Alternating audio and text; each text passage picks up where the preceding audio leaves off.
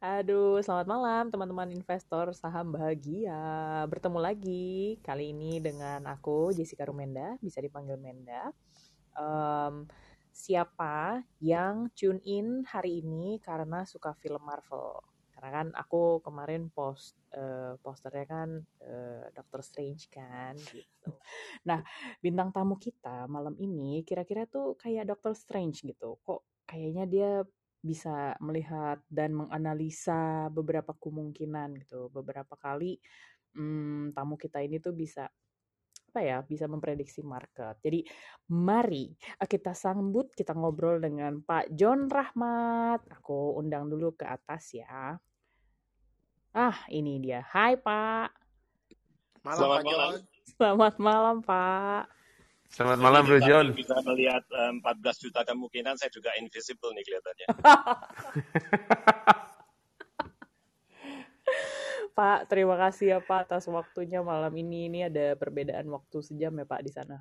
Sama-sama, terima kasih. Ini sebetulnya kehormatan besar nih.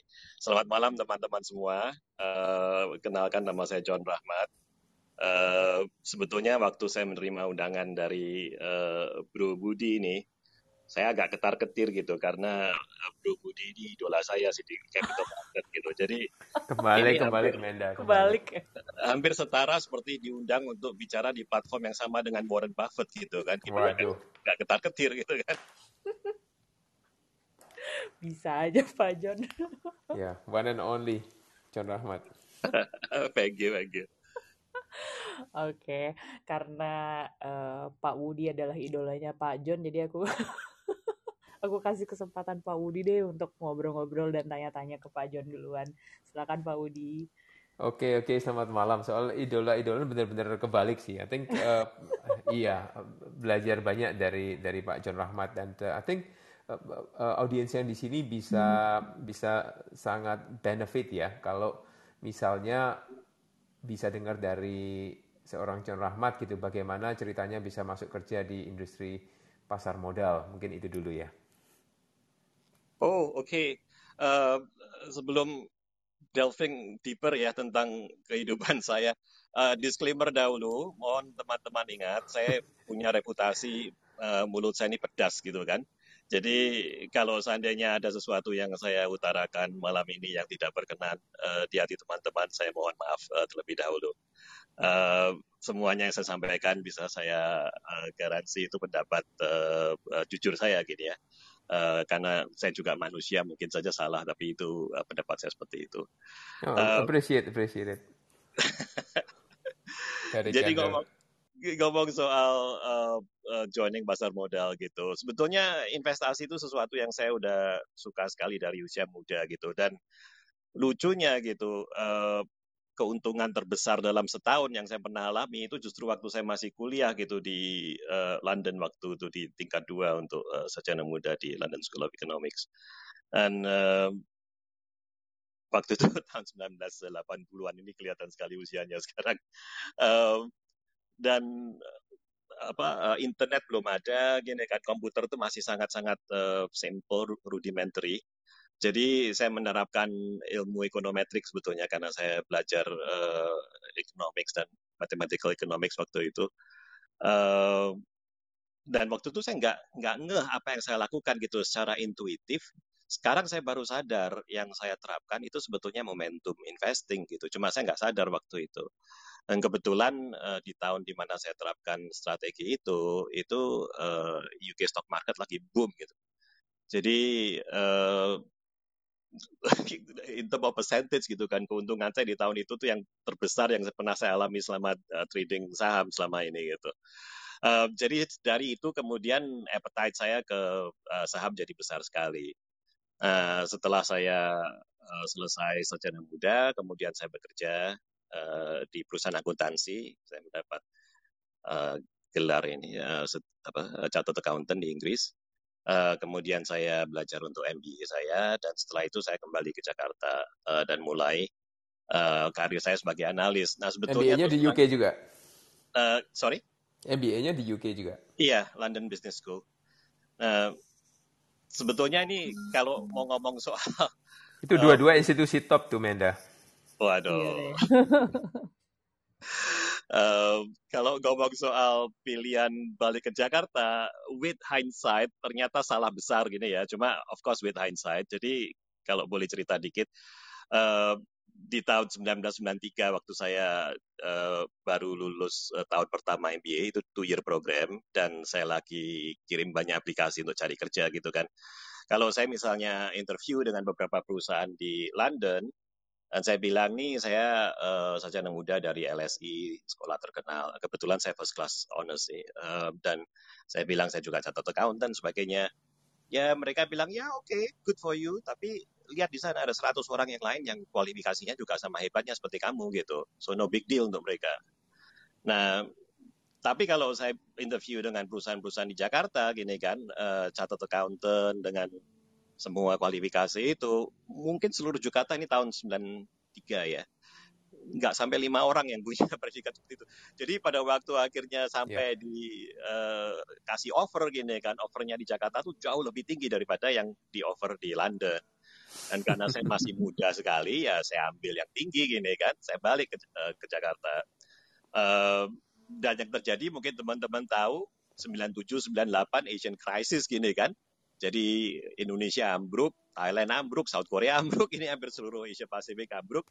Sedangkan yang Western world, Amerika, Inggris, Eropa dan lain-lain lagi internet boom. Tenang aja, ya. Ya, jadi teman-teman saya yang satu kuliah waktu LBS itu banyak yang miliuner gitu sebelum dia 30 years old.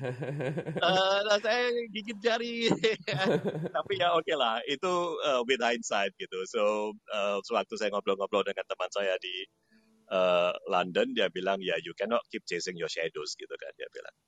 Ya itu That aja sih is a good advice. Ya. Mungkin uh, kalau kalau uh, ini ya boleh sebagai follow up questions. Sure. uh, Menurut Bro John Rahmat, apakah bekerja sebagai analis itu suatu langkah awal yang baik dalam memasuki dunia bisnis? Jadi intinya gini, kalau misalnya your superpower itu bukan melihat 14 juta sekian tadi ya, tapi uh, bisa balik ke waktu yang masa lalu. Apakah akan melakukan langkah yang sama memasuki dunia analis pasar modal, regardless di Indonesia atau di London? Uh, with my knowledge sekarang ya, jadi uh, knowing what I know today, no. The answer is no. Boleh tahu kenapa? Jadi uh, sewaktu saya menjadi analis, nah mungkin harus beberkan. Ini ini maaf nih jadi agak cerita lebih banyak tentang karakter saya. Nih mohon maaf apa. jangan dipikir saya ingin uh, apa uh, uh, gembar tentang diri Enggak sendiri. you don't need that. Uh, Everybody jadi karakter saya itu agak perfeksionis gini kan. Jadi uh, mau karir apa pun yang saya uh, dalamin, saya uh, berkeinginan untuk menjadi the best gitu di karir itu. Nah, celakanya dengan karir analis itu, you are allocated a certain number of stocks gini kan, kalian cover uh, saham ini, ini, ini atau sektor ini, ini, ini gitu.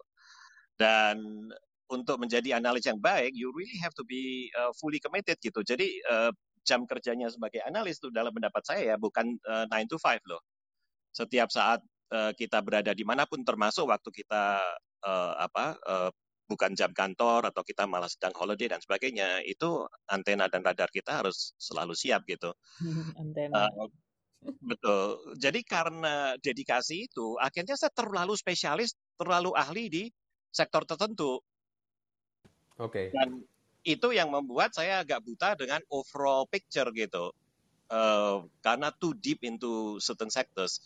Jadi dalam pendapat saya sebetulnya kalau kita ingin ngomong uh, uh, sebagai investor ya atau sebagai trader ya, uh, having some experience as analyst maybe useful, but don't go too deep gitu uh, pendapat saya.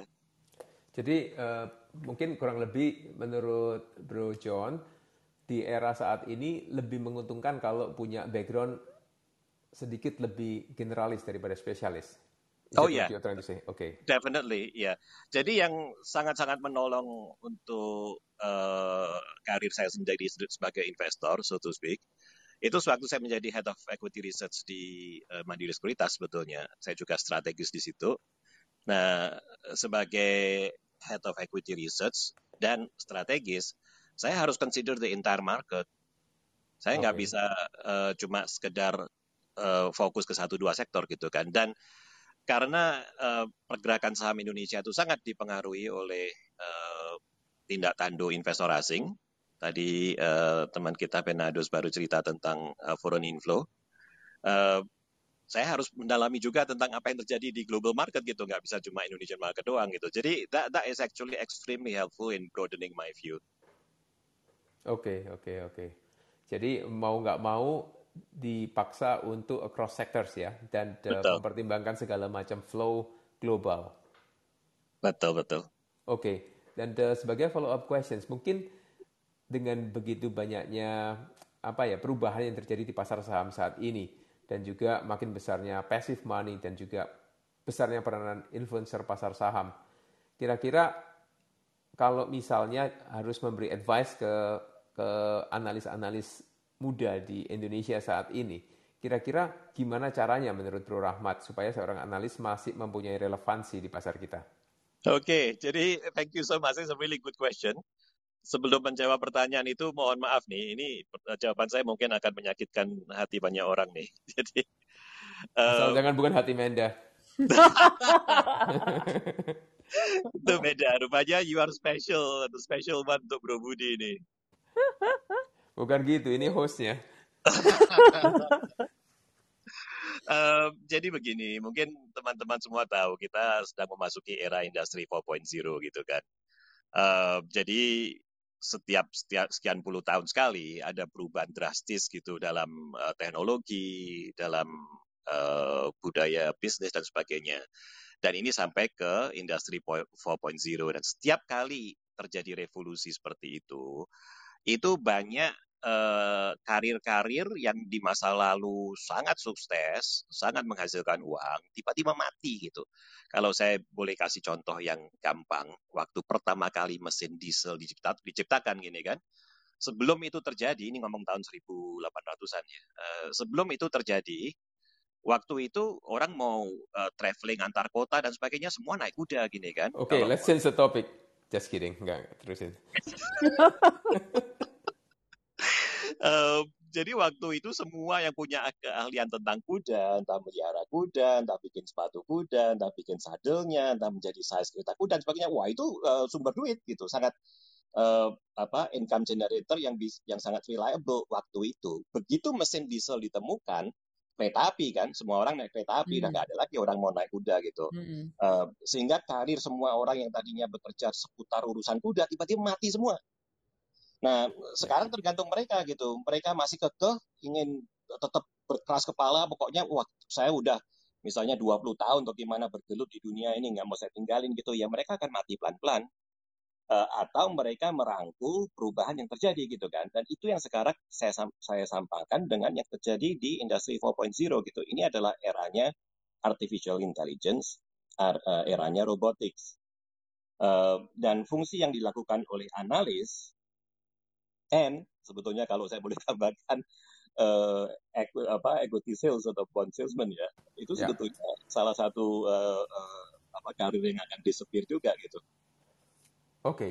tapi uh, kalau misalnya bersedia merangkul perubahan, kira-kira bagaimana cara merangkul perubahannya? Oke, okay. ini ini agak ngomong sedikit agak dalam ke karir analis ya. Jadi mohon maaf ya. untuk teman-teman yang nggak terlalu tertarik dengan karir seorang analis. Dari pengalaman saya sekian tahun sebagai analis dan head of equity research, saya mungkin bisa sampaikan teori saya. Tiga, tiga cara gini, analis itu bisa menjadi terkenal, bisa menjadi sangat diinginkan oleh banyak perusahaan sehingga gajinya tinggi. Tiga cara. Uh, cara yang pertama, itu dia punya industry knowledge yang luar biasa. Nah, jadi misalnya kalau kita ingin ngomong, oh, saya ingin membahas perbankan Indonesia. Oh ya, pergilah ke analis A atau ke analis B gitu. Dia sangat terkenal super ahli, super menguasai industri perbankan. Oke, itu pertama, industry knowledge. Yang kedua, itu adalah access to management. Wah, kenal baik sekali dengan direktur utamanya, dengan direktur keuangannya, atau dengan foundernya, dan sebagainya. Nah, ini sangat berguna terutama kalau manajemennya itu terkenal agak culas gitu, nggak suka ketemu orang, ini kan investor datang, termasuk investor besar, dari Inggris atau Amerika datang mau ketemu nggak dikasih waktu untuk ketemu dan sebagainya. Nah, ya. broker yang punya hubungan erat dengan uh, manajemen, uh, manajemen akses itu sangat dihargai juga gini. Jadi banyak investor yang nggak keberatan bayar gini kan uh, untuk mendapatkan akses itu. Jadi itu cara kedua untuk menjadi highly paid analyst. Nah, cara ketiga itu adalah call quality. Kalau dia ngomong buy saham ini, sahamnya naik. Kalau dia bilang sell saham ini, sahamnya turun. Nah, jadi ada tiga cara. Salah satu uh, analis senior saya waktu itu uh, uh, di sektor properti, dia ngomong ke saya, Pak John, tiga cara ini sayangnya nggak bisa tiga-tiganya semua dirangkul gitu. Pasti ada konflik terutama antara manajemen akses dan call quality gitu call quality. karena ya, ya, ya. manajemen di Indonesia itu uh, agak sensi ya sebetulnya kita semua manusia, manusia lah di diomongin yang jelek-jelek tentang kita tentu saja kita nggak suka gini kan ya. uh, jadi kalau ada analis pasang rating sell gitu dan kalau ingin memasang rating sell ya pasti harus memberi alasan kan kenapa sell dan itu semua mungkin membuat kupingnya manajemen panas gitu. Panas ya. Uh, jadi akhirnya nggak dikasih akses. Uh, dan saya dulu pernah loh itu terjadi karena mungkin uh, teman-teman tahu gitu. Uh, saya cukup terkenal berani memberi sell rating gitu kan. Ada satu salah satu perusahaan yang paling besar di bursa efek Indonesia itu saya diban sama dia. Nggak pernah diundang ke analyst meeting, nggak pernah diundang semua apa event-event perusahaan saya nggak pernah diundang. Di spot saya uh, akan tanya lebih banyak nanti. Oke. okay. Nah, jadi uh, analis senior saya itu kata gitu gitu. Dia bilang eh, nggak e, bisa semuanya tiga-tiga dirangkul gitu. Nah kalau kita harus milih nih, kita mau milih yang mana? Nah, dia bilang terus terang call quality itu susah sekali Pak John dia bilang. Untuk kita bisa ngomong buy, sahamnya naik, kita mau sell, sahamnya turun itu susahnya luar biasa gini. Nah, tapi kalau kita ingin punya koneksi yang baik dengan manajemen itu jauh lebih mudah. Asalkan kita punya personality yang uh, supel, gini kan menyenangkan. Apalagi kalau analisnya cantik gini atau cakep atau gimana gini kan. Uh, jadi kebanyakan analis tuh akhirnya embrace itu gitu. Mending saya uh, excel di manajemen akses saja daripada call quality. Nah sekarang kenapa ini berubah? Tadi saya katakan industri 4.0 gitu. Salah satu dari uh, efek dari industri 4.0 ini adalah munculnya passive investing. Ini mungkin uh, akan dibahas lebih lanjut nanti. Tapi secara singkat saja, sekarang kita sebagai investor atau trader itu bisa pegang indeksnya sendiri gini. Nah, di masa lalu, uh, salah satu, sorry, bukan masa lalu, sampai sekarang, uh, salah satu tolok ukur apakah seorang fund manager itu perform atau tidak, itu bagaimana performance fund dia dibanding indeks yang dia benchmark gitu kan. Nah, di masa lalu sebelum passive investing muncul, sebelum kita sebagai investor atau trader punya kemampuan untuk beli indeksnya, maka waktu itu kalau fund manajernya nggak bisa perform terhadap indeks, ya dia tinggal uh, apa eh, nggak pedulian. Masalahnya mungkin untuk yang lain juga 90% fund manager yang lain juga underperform gini kan. Uh, dan pegang indeks itu kan hanya teori gini. In reality how can you do it gitu loh. Sebelum passive fund muncul tidak ada cara bagi investor atau trader untuk pegang indeks. Betul. Jadi di masa lalu dia bertahun-tahun nggak perform ya oke okay aja gini. Kan apa nggak apa-apa yang lain-lain juga nggak perform gini kan. Ya. nah sekarang itu berubah. Dengan banyak munculnya indeks ETF investor dan trader yang nggak mau pusing-pusing mau cari uh, stock picks ini kan mau cari saham apa mau cari sektor apa atau mau uh, invest di fund mana kalau nggak mau pusing itu semua tinggal beli uh, indeks fundnya aja udah beres uh, nah jadi sekarang untuk fund manager performance dia tuh jadi sangat uh, disorot kalau dia nggak perform bertahun-tahun ya ditinggal sama orang ngapain yeah. saya pegang fund kamu gini kan saya pegang aja indeksnya beres kan yeah. nah, jadi karena seperti itu perubahannya, maka uh, analis nih dan broker secara umum yang intinya mereka hidup dari performance-nya fund manager sebetulnya ya. Jadi karena fund manajernya nggak ada bisnis ya brokernya nggak dapat bisnis gitu kan. Uh, saya kalau seandainya saya adalah fund manager yang konvensional, satu-satunya yang saya appreciate dari analis itu sekarang hanya call quality. Apa okay. gunanya kamu bisa kasih saya kesempatan bicara dengan dirutnya? Apa gunanya kamu kasih kesempatan saya bisa bicara dengan foundernya? Kalau kemudian saya pegang sahamnya, terus sahamnya anjlok. Ya, ya, ya, ya. Jadi the only karakteristik dari tiga cara tadi yang saya akan appreciate itu hanya call quality. Nah, okay. itu kenapa saya katakan uh, fungsinya analis akan redup Karena sebagai manusia kalau dia harus bertarung dengan mesin uh, mesin learning gitu kan, super sulit gitu. Hanya segelintir analis yang akan sanggup. Oke okay, oke okay, oke. Okay. That's that's a very good uh, analysis. Uh, uh, dalam arti, ya, yeah, you you identify the the challenges really well ya. Yeah? Dan uh, mungkin how to improve the quality that's just uh, for another time. Mungkin kalau boleh uh, saya coba uh, gali lebih lanjut gitu ya. Tadi uh, ada mention soal berani taruh sell call di market dan mana uh, kita itu tahu bahwa ini sesuatu yang jarang sekali dilakukan oleh analis. Jadi ada ada bias ke bullish view di market. Mungkin untuk audiens malam hari ini boleh kita bahas sedikit mengapa analis itu sebenarnya segan untuk menulis bearish view selain karena relationship dengan uh, manajemen. Apakah juga karena klien-klien mereka itu lebih suka baca bullish view dan sebagai head of research, bagaimana cara untuk mengatasi bias ini? Wah, thank you Budi. Ini pertanyaan sangat dalam ini. Uh, jadi untuk menjawab pertanyaan ini, mohon maaf teman-teman, saya harus membahas sedikit tentang bagaimana uh, bisnis seorang broker ya. Uh, jadi mohon maaf ya kalau agak-agak uh, jelek dikit. Uh, apa-apa, Ya, uh, broker itu hidup dari dua main income stream sih. Yang pertama itu yang kita anggap bread and butter.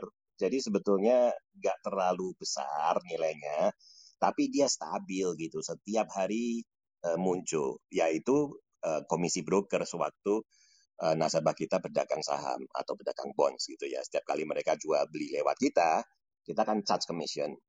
Nah, itu menjadi income-nya broker yang stabil.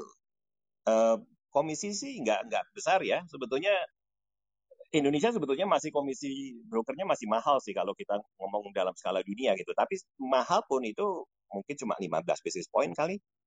Uh, untuk beberapa saya tahu sih teman-teman saya ini investor yang super besar ditawarin 9 basis point, ada yang 7 basis point. uh, jadi sebetulnya makin ya. kecil. Tapi kalau kita ngomong broker di Inggris atau di Amerika gini kan, kebanyakan mungkin cuma 5 basis point. Bahkan di Amerika itu sekarang free. Ya. Gitu. Jadi uh, kalau kita ingin mengandalkan hanya dari broker commission, brokernya mati. Karena terus terang ini uh, sumber income stream yang makin hari makin mengkret gitu kan. Uh, itu yang pertama. Terus yang kedua adalah dari primary deals. Jadi untuk IPO membawa perusahaan masuk bursa atau untuk right issue gitu perusahaan yang sudah ada di bursa uh, meluncurkan capital raising. Nah itu fee-nya jauh lebih tinggi. Meskipun juga berkurang ya kalau kita ngomong 20 tahun yang lalu mungkin underwriting fee itu bisa dua setengah persen dan sebagainya. Mungkin sekarang satu setengah persen kali. Um, tapi yang jelas satu setengah persen itu berkali-kali lipat lebih besar dari 15 basis point, gitu kan? Nah, jadi untuk pemilik broker, untuk dirutnya broker, untuk direktur capital marketnya broker dan sebagainya, mereka sangat penting sekali untuk punya hubungan yang baik dengan manajemen dengan uh, pemilik perusahaan-perusahaan yang terdaftar di bursa gitu atau yang punya potensi untuk masuk bursa. Karena kalau mereka nggak punya hubungan baik, ya kalau ada IPO, ada right issue, bukan dikasih ke mereka gitu, dikasihkan ke broker yang lain. Nah, jadi secara nggak langsung sih sebetulnya kalau ada analis berani taruh uh, sell rating, wow, udah diplototin gini sama pemiliknya perusahaan broker itu. Ini kan. Uh, nah, itu itu dari sisi uh, pemilik dan pengelola bisnis broker. Nah, kenapa saya pribadi uh, berani taruh Eh, sell rating. Ini bukan masalah soal berani atau apa ya terus terang. Uh, mendiang ayah saya almarhum itu memberikan beberapa nasihat yang sangat berguna untuk saya selama ini. Salah satu nasihat yang sangat saya uh, perhatikan, dia bilang never forget who your customers are. Nah, kalau saya sebagai analis, sebetulnya customer saya itu bukan bos saya. Saya tahu bos saya yang kasih income saya, yang bayar gaji saya setiap bulan gini kan. Tapi sebetulnya customer saya itu adalah investor-investor yang mendengarkan nasihat saya sebagai analis.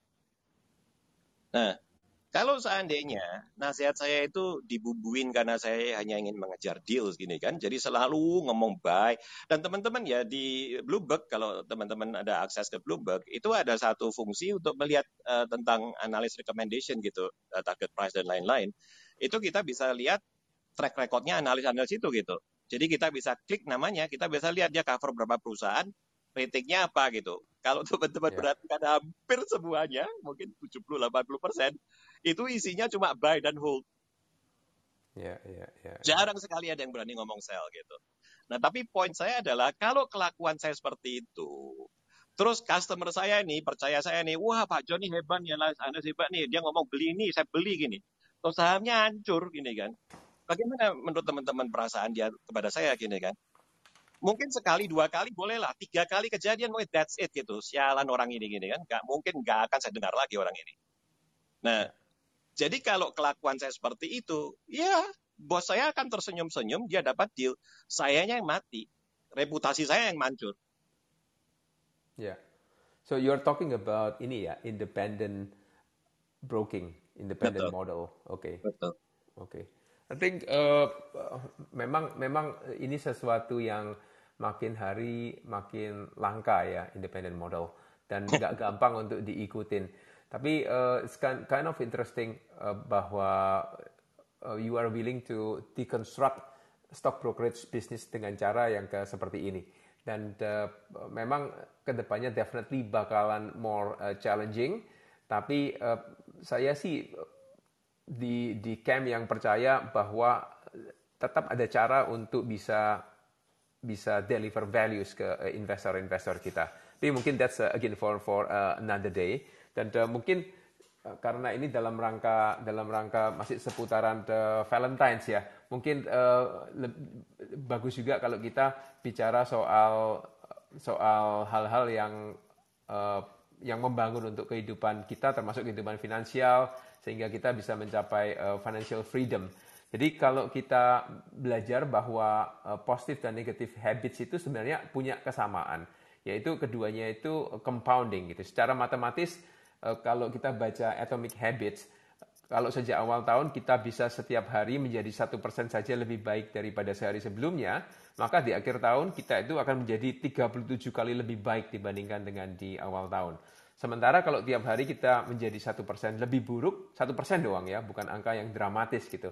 Satu persen lebih buruk dibandingkan dengan sehari sebelumnya, di akhir tahun kita akan going down ke nol. Bukan bukan ada yang tersisa, tapi benar-benar kita akan menjadi zero. Mungkin boleh share uh, winning dan losing habit dalam membangun kehidupan finansial kita, gitu Bro John, ke, ke audiens di sini. Ini dalam yang rangka mencapai saya... financial freedom ya. Ini yang membuat saya ketar-ketir waktu diundang oleh uh, Bro Budi ini. Uh, jadi kalau teman-teman dengar itu salah satu apa, penjabaran yang sangat bagus sekali sih tentang uh, winning habits ya. Um, sebetulnya prinsipnya sangat sederhana sih. Uh, jangan sampai lebih besar, lebih besar pasak daripada tiang gitu kan. Itu prinsip yang paling utama. Nah, disampaikan kembali karena saat ini untuk orang pinjam kredit itu kan mudahnya luar biasa gitu kan.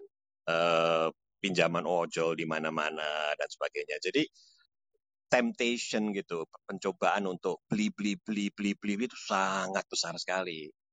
Dan sering kali kita cara pikirnya, oh gaji saya sekarang sekian, gini saya dengan mudah bisa uh, menservis hutang sekian gitu. Iya kalau gajinya terus gitu. Anda menikmati gaji itu hari ini, apakah Anda yakin tahun depan gajinya masih segitu? dan seterusnya gitu kan. Jadi itu mungkin uh, yang pertama okay. yang ingin saya sampaikan. Yang kedua, dua saja, dua poin saja. Yang kedua ini saya ambil dari uh, Robert Kiyosaki sih yang menulis buku yang terkenal sekali Rich Dad Poor Dad gitu kan. Ya. Um, sebetulnya ingin ingin saya uh, sampaikan sebagai aside teman-teman hati-hati di dunia keuangan itu banyak sekali penipu nih uh, ngomong terus terang. Dan Robert Kiyosaki dia dalam menulis buku tentang Richard Burdett itu dia menceritakan seolah-olah itu jalan hidupnya sendiri gitu bahwa dia punya uh, ayah biologisnya gitu yang Burdett dan yeah. ayah angkat gitu yang Rich Dad kan. Itu sebetulnya banyak orang menyelidiki latar belakang hidup dia, itu semua bohong gitu loh, itu semua karangan. Wow. Ya. Nah, tapi no problem. Sebetulnya untuk saya nggak penting apakah itu real life story atau atau apa uh, creativity dia. Yeah. Poin dia tuh sangat-sangat bagus gitu. Jadi uh, pertama kali saya belajar tentang passive income itu sebetulnya dari Robert Kiyosaki. Nah, poinnya dia itu kita harus fokus untuk menciptakan passive income stream yang demikian besar sehingga kalau akhirnya kita sudah tidak punya active income, active income ini seperti pekerjaan sehari-hari gini ya, kita kerjakan 9 to 5 uh, eh, sehari-harinya gitu. Kalau kita tidak ada pekerjaan yang active income anymore, itu kita masih hidup dengan uh, sejahtera gitu karena passive income kita strong.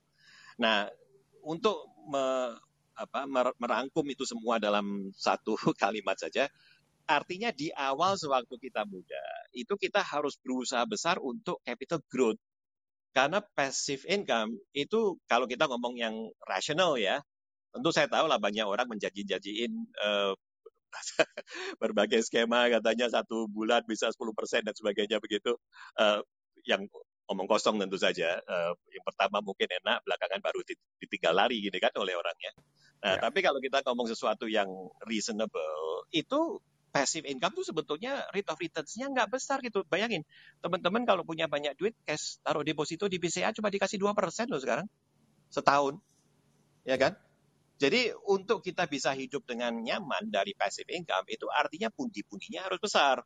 Jadi sewaktu kita muda, sewaktu kita ya katakanlah muda sampai uh, middle age lah kurang lebih, itu fokusnya harus capital growth gitu. Baru kemudian setelah mulai memasuki usia senja kita fokusnya ke income generation.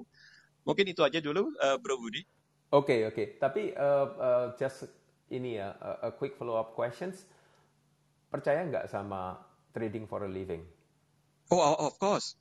Ya, jadi uh, maaf kembali ke tadi kita sempat bicara sedikit tentang indeks uh, pasif dan aktif ya.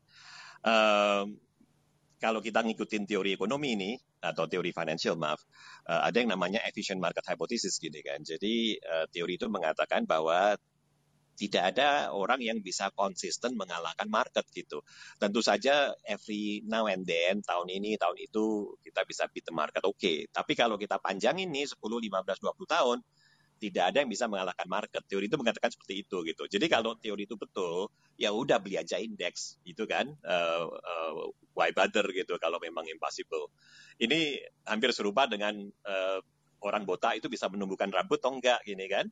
Yeah. Ya. Uh, lihat tuh pemiliknya uh, Jeff Bezos, pemiliknya Amazon, orang yang super super kaya aja botak, gitu kan contohnya. Yeah, yeah, yeah. Uh, jadi kalau mengambil seperti itu, itu itu teori efficient market hypothesis itu. Uh, tapi kalau kita melihat the actual uh, statistics ya, uh, kalau kita ngomong Amerika gitu, yang setiap tahun bisa outperform market itu mungkin 20-30 persen aja dari semua fund managers.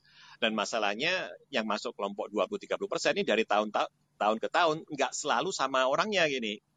Nah jadi yang betul-betul bisa konsisten itu hanya segelintir, tapi mereka ada, mereka eksis. Oke. Okay. Jadi uh, whatever ways dan setiap uh, investor yang super successful itu punya masing-masing teknik dan teori dan uh, filosofi mereka ya. Uh, tapi evidence shows it is it can be done gitu. It is possible, cuma super sulit gitu aja. Oke, okay, oke. Okay. It's not easy but possible ya. Betul. Oke, okay, oke. Okay. Mungkin uh, satu satu karakteristik dari your broking style ya zaman zaman itu ya. Saya ingat banget yeah. bahwa Bro John itu dikenal sebagai salah satu analis yang suka humor dan tertawa. Makanya kalau fund manager ditelepon sama John Rahmat tuh seneng banget gitu pasti ketawa-ketawa nanti. Dan uh, mungkin kalau uh, following your style, uh, saya coba deconstruct gitu ya. Uh, kali ini uh, deconstruct humor. Ada enam elemen humor versi uh, pencipta ko uh, komik strip Dilbert Scott Adams. Jadi yang pertama nakal, yang kedua pintar, yang ketiga cute, yang keempat bizarre, kelima rada-rada kejam, dan yang keenam, mudah dikenali humornya. Jadi menurut Bro John, adakah elemen-elemen ini yang somewhat relevan dengan dunia analisa saham dan apakah perlu memang ke uh, introduce humor dalam profesi di pasar modal? Thank you. Semua itu ada di dirinya Bro Budi loh sebetulnya. uh, kalau uh, Bro Budi suka menuliskan, nah kalau kita baca tulisannya Bro Budi, itu yang sangat saya sukai uh, ke enam elemen itu. Nah, jawaban singkatnya yes, of course. Uh, kalau kita melihat saat ini demikian banyak influencer ya di dunia saham uh, dan saya nggak bisa menghindar untuk melihat gitu beberapa dari mereka sangat cantik sebetulnya kan. Uh, jadi mungkin elemen itu pasti ada gini uh, namanya manusia ya. Uh, jadi itu itu itu pasti ada. But at the end of the day, of course, you still have to perform ini kan.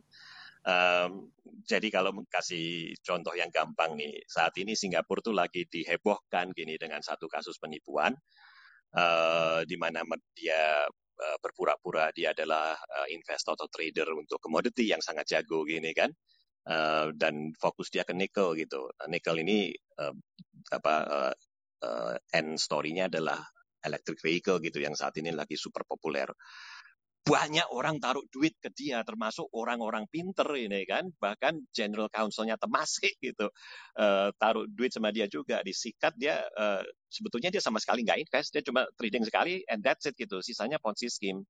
Nah, yang membuat kita terheran-heran gitu, saya dan teman-teman uh, fund managers di Singapura yang kita terheran-heran, wajah dia tuh jelek sebetulnya. Jadi, kita, how, do, how on earth did he do it gitu kan? Nah, artinya dia cara berbicaranya tuh hebat, hmm. uh, pasti banyak humornya di situ juga gitu. Humor tuh sangat penting karena uh, oke okay, kita banyak sekali beda pendapat ya dan uh, salah satu hal yang tidak bisa dihindari gitu dari kalau tidak ada perbedaan pendapat tidak ada pasar gini kan. Kalau semua uh. satu pendapat semua ingin beli gitu atau semua ingin jual nggak ada yang di sisi lain. Uh, jadi untuk pasar terjadi itu harus ada perbedaan pendapat gitu dan kadang-kadang perbedaan pendapat ini bisa sangat runcing kalau kita nggak hati-hati, tadinya teman baik bisa musuhan gini kan, cuma ya. gara-gara beda pendapat. Gitu. Gara-gara beda pendapat ya. Jadi humor itu sangat penting untuk memuluskan itu gitu loh. Oke, kita beda pendapat. No big deal. Maybe you are right, maybe I'm right. Who knows gini kan? Uh, time will tell. Cuma kita nggak perlu ber berkelahi atau uh, saling yeah. memahami dan sebagainya itu. Jadi saya setuju sekali sih humor itu sangat penting dan nakal. Oh ya nakal itu penting sekali gitu. Jadi uh, apa maksudnya nakal? Jadi untuk ini nih kalau ngomong kalau saya bicara dengan banyak analis muda ya dan mereka yeah. tanya bagaimana caranya saya ingin distinguish myself gitu Pak John? Gini supaya saya lebih dikenal orang ada ratusan mungkin ribuan analis gini kan. Bagaimana saya bisa rise above the average gitu. Yang saya bilang sebetulnya tekniknya cuma satu. You have to be non consensus and right. Nah non consensusnya itu yang nakal gini. Jadi orang lain semua hmm. ngomong apa kamu ngomong di seberangnya gini kan. Ya, ya, nah, ya, ya. Kalau kamu yang ikutin konsensus ya nggak yang nggak nggak nggak ada yang lihat kamu gitu loh. Oke, seribu analis yang lain juga mengatakan hal yang sama gini kan. Nah, ya. Tapi oke okay, berani beda is good, tapi you have to be right juga gini. Udah berani beda, ada gua punya Tapi salah. Punya salah itu. Ya, uh, ya, ya. Jadi Natal itu sangat penting juga nih. Singkat kata saya setuju sekali dia dengan uh, ulasan Bro Budi tadi. Thank you, thank you, thank you. Bro John, uh, always very uplifting untuk bicara dengan John Rahmat. Uh, saya kembalikan dulu ke main host kita Menda ya, karena banyak yang ngantri yang lain mau tanya. Oke, oke. Ya, thank you. Iya nih Pak. thank you ya Pak Budi tiga antrian lagi nih untuk Pak John. Masih sanggup kan ya Pak? Oke, mari kita jalan terus. Oke, teman-teman nanti um, kalau misalnya teman-teman di audiens ada yang mau uh, tanya gitu satu atau dua pertanyaan untuk Pak John, silakan uh, chat aku ya gitu supaya nanti aku bisa bantu. Nah, untuk berikutnya ada Kak Jess dulu kali ini ya. Aku kasih kesempatan buat Kak Jess. Hai Kak Jess. Hai Menda, thank you Menda. Yo. Hai Pak. Thank you so much Pak hari ini udah datang Pak ke Hai Jessica. Ya, senang bisa ketemu kalian semua. Yay. Ini aku udah ada beberapa pertanyaan aku pengen tanyain ke Pak John dan hopefully uh, my questions um, nggak terlalu cetek-cetek banget ya Pak buat Pak John. Celaka nih saya memberi image yang agak agak agak salah nih. Oke, kalau mungkin yang pertama ini ya Pak ya, kan kita kita semua uh, sempat dengar-dengar juga uh, mungkin kiprahnya Pak John belakangan ini dan mungkin aku pengen tanya sih Pak, filosofi investasi Pak John ini sebenarnya seperti apa sih Pak? Apakah approach-nya lebih cenderung fundamental atau lebih kuantitatif seperti yang cukup populer belakangan ini Pak? Terus mungkin kalau boleh dijelasin juga bedanya tuh apa ya Pak? Buat teman-teman di sini semua. Wah, terima kasih nih pertanyaannya Jessica super dalam nih. Uh, jadi teman-teman untuk memberi background, saat ini saya adalah komisaris independen di PT Pinnacle Investment, itu satu-satunya house of quant di Indonesia gitu. Jadi quantitative investing itu suatu teknik yang relatif baru dibandingkan yang selama ini dikenal investor dan trader yaitu ada dua ya. Fundamental analysis dan technical analysis gitu kan. Uh, fundamental analysis itu fokus ke uh, operational matters gini kan jadi dia melihat bagaimana cara perusahaan ini generate revenue, bagaimana dia memanage cost-nya, dan lain-lain. Technical analysis itu fokus ke pergerakan harga dan volume di chart. Jadi dia melihat chartnya, dia gambar support, resistance, mungkin pakai indikator, osilator, dan lain-lain, dan membuat uh, keputusan trading dia berdasarkan itu semua. Yes. Nah, kuantitatif teknik itu uh, bedanya adalah sebetulnya sangat simple. Dia tuh ingin mengatakan anda punya teori apa saja, silahkan kita tes. Hmm. Jadi misalnya nih, saya punya pasangan nih misalnya, pasangan hidup. Kalau pagi hari kita bangun, dia tersenyum, wah IHSG bakal naik hari ini. Atau kalau kita bangun dia cemberut, wah IHSG bakal turun hari ini. Gitu kan? Oke, itu teorinya gitu. Nggak apa-apa. Kita catat. Setahun dua tahun kita catatin setiap hari trading ini kan. Kita catat hari ini tersenyum bangkrut. Catat cemberut gitu kan. Senyum cemberut senyum cemberut. Dan yang terjadi di HSG-nya apa gitu. Setelah itu satu tahun kita tes. Betul nggak gitu? Nah tentu saja di dunia perdagangan seperti teman-teman tahu tidak ada kebenaran yang 100% ya. Uh, kalau trennya naik atau trennya turun di dalam tren naik ada hari-hari turun juga gitu dan dalam tren turun ada hari-hari naik juga gitu kan mm -hmm. uh, jadi nggak mungkin kita minta sesuatu teori itu 100% benar tuh nggak mungkin gitu. Nah, tapi kita lihat aja kalau seandainya Nah, kita sendiri masing-masing kita punya cut off point di suatu uh, suatu titik gitu kan. Kalau seandainya dia misalnya 60% benar, nah untuk itu saya itu teori sangat bagus gitu. Jadi bisa saya bisa saya pegang. Nah, itu sebetulnya kuantitatif teknik seperti itu. Dia nggak ambil pusing mau kita ngomong fundamental, technical, apa pun juga deh, sunspots gini kan, Jupiter bergerak, astrologi, apa terserah. uh, Pokoknya kita tes. Kita tes aja. Mercury retrograde ya, Pak. Oh, gitu sih ceritanya Jessica. Aduh, kacak banget ini. Ya, itu sama dengan hubungan uh, berumah tangga loh. Suaminya mau ngomong apa, istrinya mau ngomong apa gini kan. Oke, silakan aja. Kita lihat betul nggak tapi itu kan. Mari kita tes gitu. Pas banget suami aku lagi dengar ini, Pak. Oke oke. Jadi lebih ke jadi lebih nggak nggak take into account both fundamental sama technical ya pak ya cuma tapi ya sebetulnya tes, saya agak saya ya. terlalu menyederhanakan sih jadi setelah sekian ribu tes dan yang saya suka tentang finance ya sebetulnya dibanding banyak uh, karir yang lain karir ini tuh hitam dan putih Jessica Hmm. Banyak sekali karir di mana terjadi perbedaan pendapat dan tidak ada cara untuk menyelesaikan siapa yang benar, siapa yang salah gitu. Ah, yes, yes, yes. Hmm. Jadi sehingga akhirnya ya seperti lihat aja gini, eh, selebriti uh, yang berkelahi satu dengan yang lain gini kan mungkin sengaja sih bikin heboh biar populer gini kan dia punya YouTube tuh apa. Uh, tidak ada cara yang gampang untuk menyelesaikan siapa yang benar, siapa yang salah gini.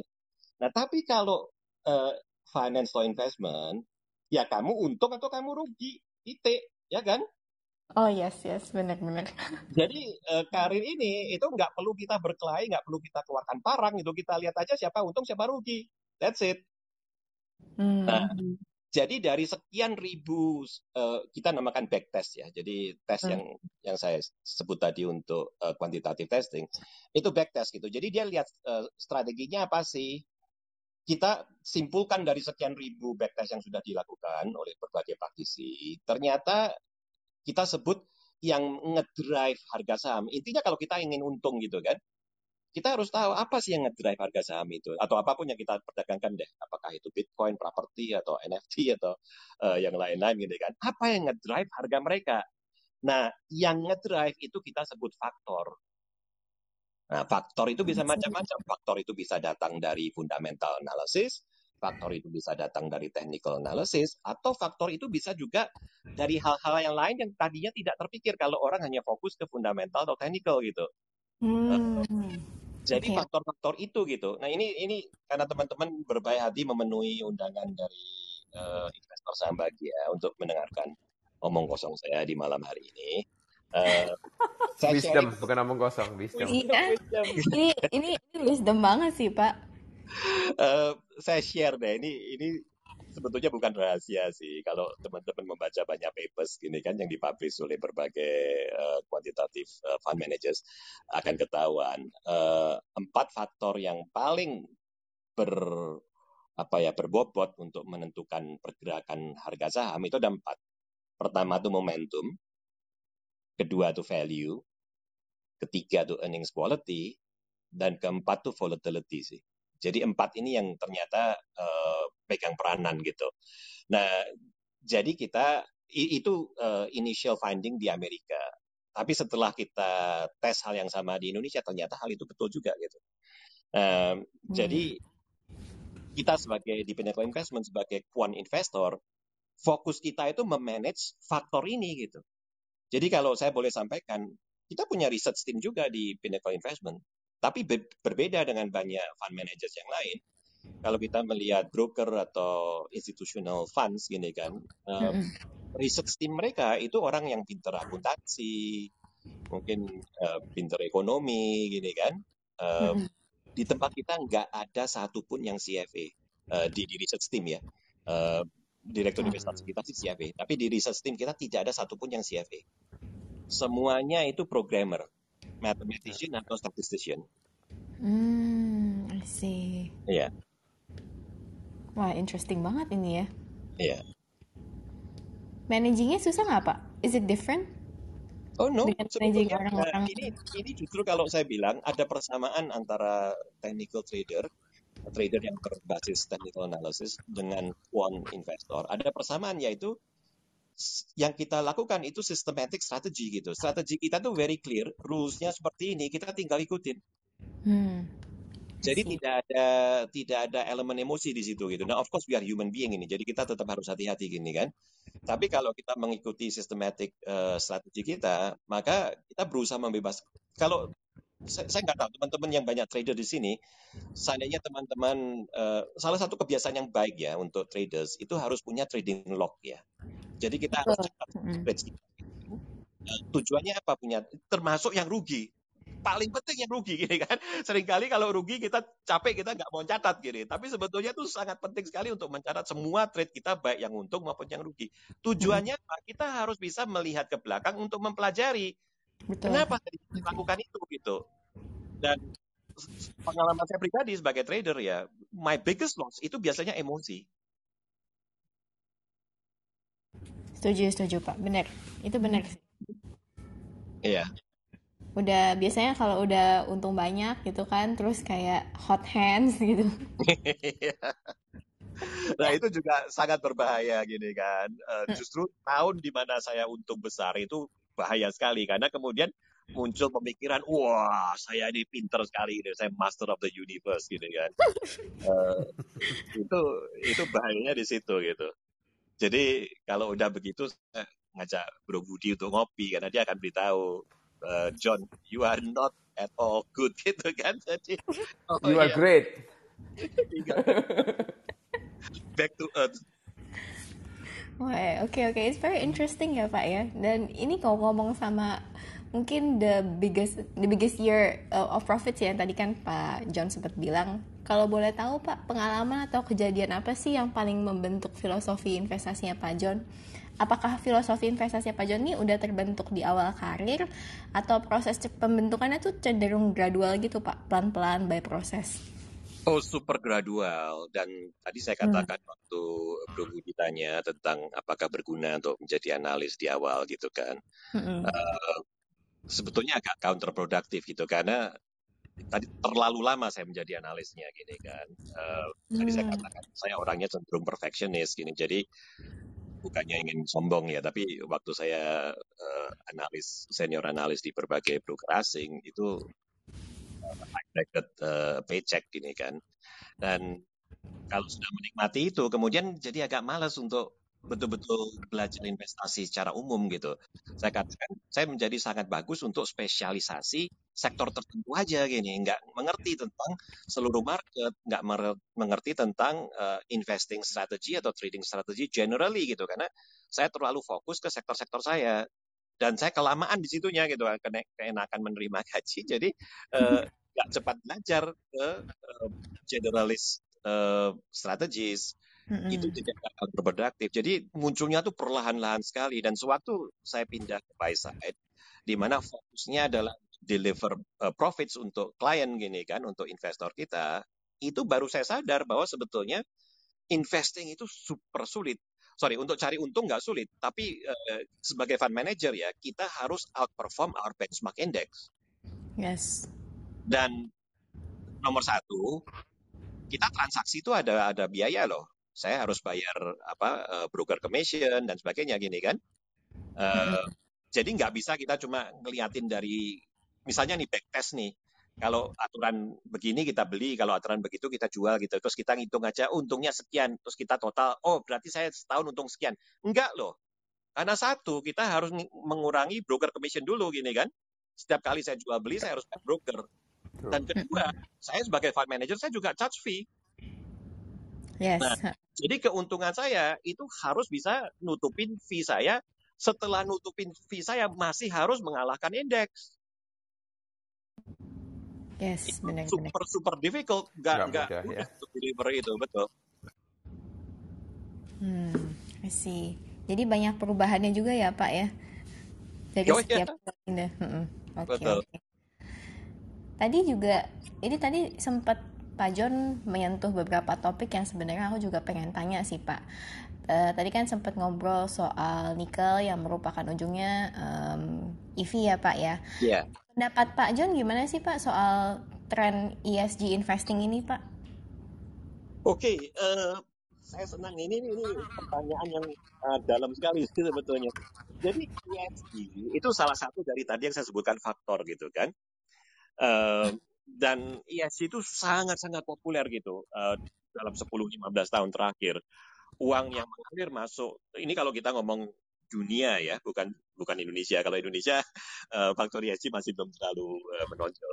Tapi kalau kita ngomong seperti Amerika dan uh, Eropa, um, ESG ini sangat-sangat uh, penting sekali. Nah, jadi uh, dan sangat sukses gitu dalam in, in, in term of fund flow.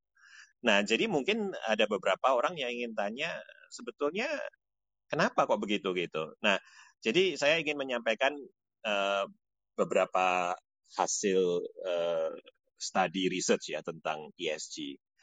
Uh, menurut Morningstar, kalau kita ngomong 2020, 75% dari uh, fund atau indeks yang berbasis ESG itu outperform benchmark index mereka.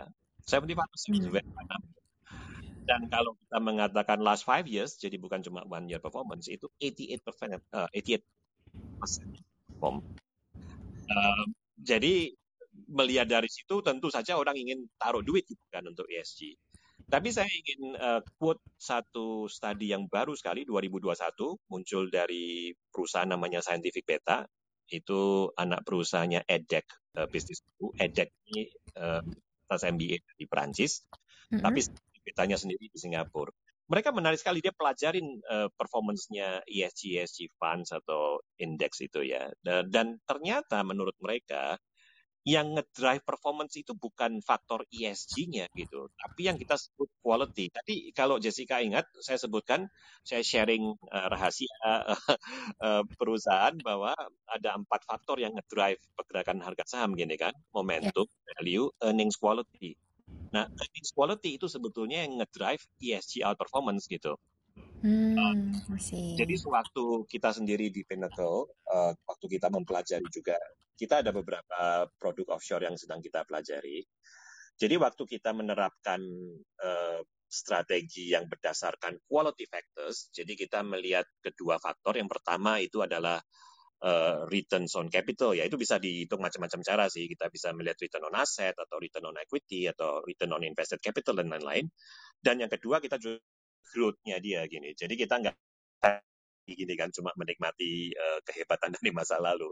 Kalau kita terapkan uh, dua faktor itu gitu dalam membentuk uh, strategi kita. Ini uh, backtest kita dari 2005 sampai 2020 ya, uh, 15 years uh, period. Untuk 15 years period itu S&P 500 index benchmark kita itu annualized return-nya sekitar 6,8, standar deviasinya uh, hampir 20 persen. Strategi yang kita ngomong tadi itu uh, annualized return-nya hampir 9 persen dan standar deviasinya itu cuma 8 persen. Wah. Jadi sudah return-nya lebih tinggi, risk-nya juga lebih rendah. Risk-nya lebih rendah. Ya, dan ada ngomong risk ya, ada dua jenis risk sebetulnya. Ada yang kita sebut systematic risk, itu tadi yang saya katakan dalam standar deviasi. Ada yang kita sebut tail risk itu nggak sering terjadi, tapi kadang-kadang ada kecelakaan sesuatu ini kan sampai loss-nya tuh luar biasa gedenya itu kita sebut maximum drawdown. Nah, dalam 15 tahun terakhir itu S&P 500 itu maksimum drawdown-nya tuh hampir 57 persen. Kalau kita terapkan strategi yang berdasarkan quality tadi, mm-hmm. maksimum drawdown-nya tuh nggak sampai 8 persen. Ya, ya, ya. Jadi itu semua uh, apa studinya Pinnacle sendiri itu sebetulnya mendukung konklusinya dari EDEC gitu dari dari scientific beta bahwa sebetulnya yang ngedrive itu bukan ESG-nya tapi faktor quality. Dan kemudian dia jelaskan banyak perusahaan yang successful gitu kan, uh, terutama di Amerika yang tech company ya seperti Facebook, Apple dan sebagainya gini kan.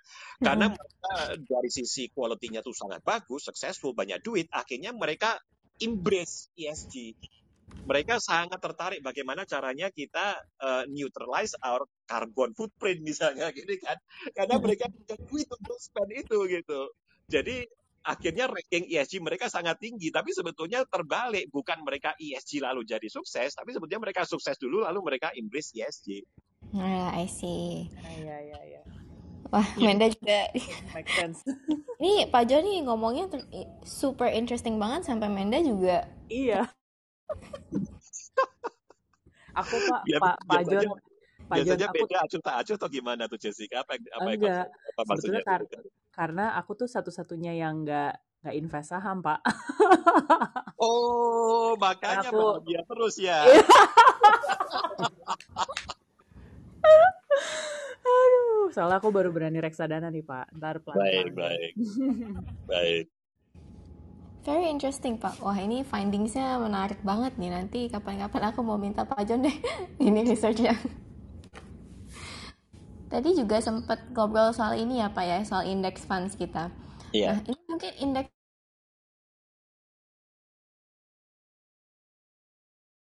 mereka ninggalin aktif active funds ya Pak ya. Mereka banyak lebih jauh lebih banyak yang milih passive funds kayak uh, eh, ETF, funds gini. Mungkin karena di luar negeri salah satu faktornya juga very cost efficient ya. Kalau misalnya kita bandingin uh, management fee reksadana di Indonesia, even yang index fund sama index funds di mungkin di US jauh banget gitu ya Pak. Yeah. Iya. Uh, management fee-nya. Menurut Pak uh, Pak John sendiri kan you have a sorry uh, Pak John kan komisaris independen yang Pinnacle yang yeah. merupakan um, MI juga. Yeah. How do you see the index funds trends nih Pak? Karena kan pasti kalau misalnya nanti trennya ke arah sana uh, management management fee di Indonesia juga mungkin makin lama nanti mak bakal makin turun ya Pak ya? Oh kalau itu pasti. Hmm. Kalau itu pasti. Nah tapi untuk uh, menjawab pertanyaan Jessica tadi uh, Bro Budi juga sempat tanya tentang hal ini kan. Jadi saya ingin uh, uh, tekankan tentang ini. Jadi kan Bro Budi tanya, can you still make money as a trader gini atau as a investor? Karena kalau kita terlalu sulit, ya udah kita beli aja uh, eh, ETF indeks beres kan? Uh, nggak usah pusing soal mau pilih saham apa, mau pilih uh, apa namanya sektor apa dan sebagainya gini kita ambil aja indeksnya end of story. Karena salah satu faktor tadi yang penting sekali Jessica sebutkan salah satu faktor kenapa indeks fund indeks ETF atau fund itu biasanya lebih perform dibanding uh, yang actively manage karena fee-nya jauh lebih rendah kan Betul. dia ambil fee itu kan mengurangi uh, returns yang diterima oleh investornya gini jadi mm. uh, kalau kita ngomong yang di Amerika ya seperti SPY gini salah satu ETF index yang paling paling liquid uh, paling gede itu mungkin fee-nya cuma tiga poin kali Yes, benar. Dan yang aktif manajemen itu masih satu persen ke atas gini. Mm-mm. Jadi uh, beda sekali kan. Itu 30 kali lipat lebih mahal gini kalau kita uh, pegang active funds dibanding Yes. dengan uh, passive. Nah, tapi saya ingin tekankan nih, kita harus jelas dulu tentang data-datanya, ya kan? Mm-mm. Jadi kalau uh, ngomong-ngomong ini sebetulnya karena uh, saya hormat sekali dengan Bro Budi sewaktu saya menerima undangan ini, saya siapkan satu presentasi sih. Jadi banyak yang saya sebutkan. Thank you, Ini ada thank di you. presentasi itu yang udah saya kirim ke Bro Budi. Jadi mau mau diapakan terserah. Tapi kalau seandainya uh, teman-teman yang lain ingin melihat sendiri angkanya, sumber apa narasumbernya dan sebagainya, uh, mungkin bisa direferensikan ke situ. Ya, saya share ke host di sini. Oke, nah saya ingin uh, share aja salah satu. Ini banyak sekali ya orang yang membuat riset tentang ak- aktif versus uh, pasif ya. Um, salah satu finding dari ini perusahaan di Inggris, dia menyebutkan kalau kita ngomong North America, jadi Kanada dan uh, Amerika, ngomong jangka pan- panjang ya 10 tahun, itu aktif fund uh, managers yang bisa outperform index itu cuma 22 persen. Yes, ha, benar. Nah, tapi kalau kita dan ini bagusnya dia kasih region-region yang lain. Hmm. Jadi untuk global emerging market 10 tahun nih yang bisa beat the index itu 72 persen. Hmm. Jadi sebetulnya a lot easier to outperform IM. the index in emerging market compared to North America. Kenapa begitu? Pendapat saya nih, saya, saya harus katakan pendapat karena kalau ditanya buktinya mana nggak ada gitu. Eh, pendapat saya karena informasi itu jauh lebih regulated di North America dibanding di emerging market. Hmm, masih ada information asymmetric ya Pak ya kalau misalnya Betul. emerging Jadi kalau di Amerika ada berita sesuatu yang penting sekali muncul gini kan, dan cuma kamu yang tahu gitu. Nah, itu kalau kalau yang ka- kalau orangnya ini adalah insider ya, jadi dia eh, anggota board of directors atau board of commissioners gini, em, atau penasehatnya atau apa gini, yang tahu tentang informasi ini gara-gara privilege position dia gini kan, sebagai member of the board atau advisor of the board dan sebagainya, dia nggak boleh trading on the back of the information. Oke, oke. Dan aturan tentang insider trading itu sangat-sangat keras di Amerika dan Kanada. Kecuali politician. Oke, wah ini jadi yang ngomongin Bro Budi ini sangat benar. Kalau kita perhatikan eh, shareholdingnya Nancy Pelosi, Ya, dia iya mudah mengalahkan banyak fund, eh, mungkin 90% fund manager kalah dengan Nancy Pelosi. Jadi kalau Tapi misalnya tapi kita manajer bisa kita ngomong kalau Nancy Pelosi dia akan apa eh, maksudnya dia mencapai dia deliver that kind of performance karena sebagai politician mereka yang ngedrive rule dan regulation ini kan yes, itu betul. kan open sebetulnya Eh, Hmm.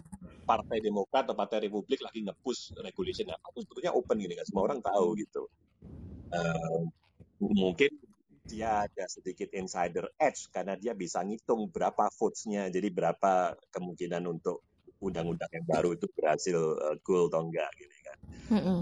Eh, tapi secara kurang lebih itu bukan bukan insider gitu loh dalam arti sebetulnya everybody knows about what what is going on in, in uh, Congress dan uh, Senat Hmm. Ini berarti balik lagi ya Pak ya, manajer berarti investment manager tuh emang harus punya analis yang call quality-nya paling bagus ya Pak ya. Maka itu eh, selama ini kan banyak analis. Sebetulnya ya kalau ini, ini ngomong juga dari pengalaman ya. Kalau kita ingin menjadi analis yang average-average saja itu sebetulnya nggak sulit sih.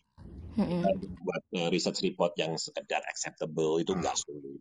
Kita harus ngomong sedikit tentang revenue generation, kita ngomong sedikit tentang cost management, kemudian kita ngomong tentang balance sheet dia, kita ngomong tentang cash flow dia. That's it. Uh, that would be considered acceptable gini. Nah, tapi untuk investor ke depan, karena itu saya katakan, sekarang dengan munculnya index fund, fund managers itu menerima warning. Mm-mm. Kita Agree. bisa satu dua tahun kita nggak nggak nggak perform bisa aja gitu loh.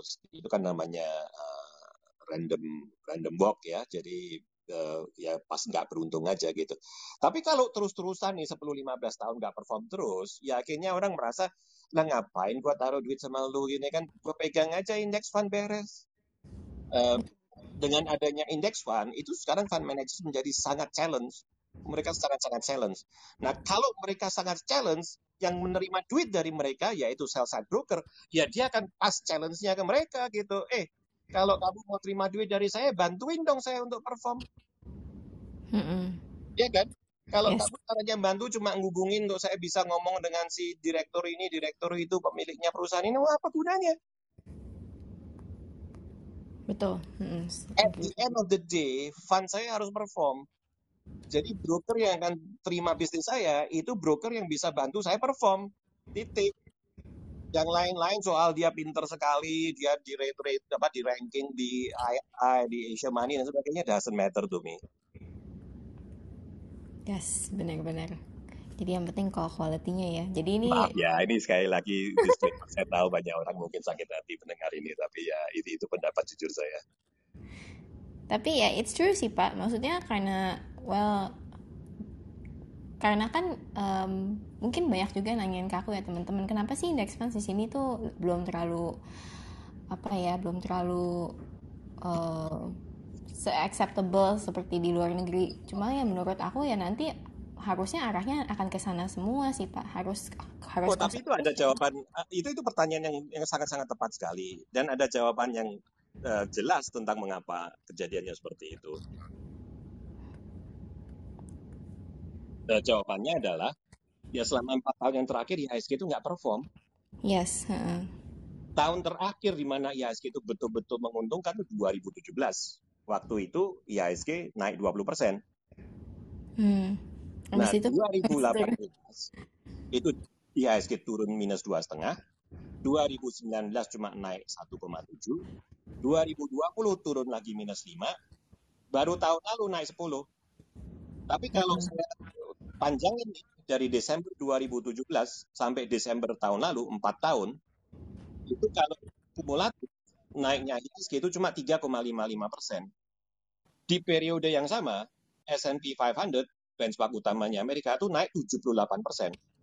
Hmm. Kalau teman-teman pegang Nasdaq Index, yang ini Nasdaq 100 Index, ini yang perusahaan-perusahaan teknologi, dalam 4 tahun naiknya 155 persen. Jadi ya jelas-jelas IHSG nggak perform. Maaf. Dan kita bisa melihat sebetulnya kalau sebelum yang berapa bulan terakhir ya, karena akhir-akhir ini ada beberapa kali rally gitu kan. Mm-hmm. Kalau ngomong sampai Juni misalnya, ya kita ngomong banyak teman-teman yang usaha broker, mati loh, susah loh mereka. Tentunya turun tajam. Nah itu Bernardo nanti yang jawab Pak. mungkin Bernardo bisa mengatakan, oh ya mungkin orang lain begitu, tapi syukur nggak begitu Pak John. Uh, tapi ceritanya adalah kalau memang indeksnya sendiri nggak perform, ya investornya males dong. Mm-hmm. Sehingga akhirnya yang terjadi, orang Indonesia itu sebetulnya banyak orang kaya loh di Indonesia itu. Jadi akhirnya apa yang terjadi? Mereka eh, rame untuk uh, heboh invest atau trading Bitcoin. Mm-hmm. Kalau nggak salah ya, ada beberapa survei mengatakan orang Indonesia itu mungkin nomor tiga atau nomor empat loh trader terbesar untuk Bitcoin. Oh, big ya? Iya, yeah, huge. Dan juga mungkin potensial return yang dilihat juga mungkin terlihat tinggi gitu ya Pak ya? Ya dan ini uh, biasa kan uh, sifat manusia yang dilihat itu yang sisi manisnya gitu. Uh, uh, jadi uh, cerita madu dan ah, sorry kalau dan udah usia mungkin tahu lagu madu dan racun gitu kan yang dilihat cuma madunya doang gitu racunnya nggak mau dilihat. I think a lot of us kayak gitu pak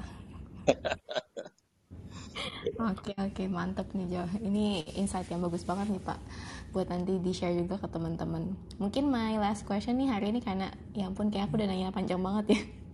ini pertanyaan terakhirku nih buat Pak John. Okay. Seandainya dihadapkan sama dua pilihan nih Pak. Mengorbankan filosofi investasi atau performance uh, invest investasi. Mana yang bakal Bapak pilih dan kenapa Pak? Itu pertanyaan yang sangat penting sekali yang Jessica tanya. Nah, kenapa saya katakan begitu? Karena di Indonesia, netizen netizen plus 62 itu terkenal loh di dunia. di bagian apa nih Pak? Super terkenal, saling maki-memaki gini kan. Luar biasa nih kalau udah perang-perang uh, di uh, dunia maya gini kan. Wah, itu uh, oke okay lah poin saya adalah seperti ini. Anda trading atau Anda investing, itu tujuannya ingin untung, ingin make money, atau ingin dibuktikan benar? Hmm. Itu pertanyaan saya. Jadi kenapa muncul peperangan yang begitu dahsyat di dunia maya?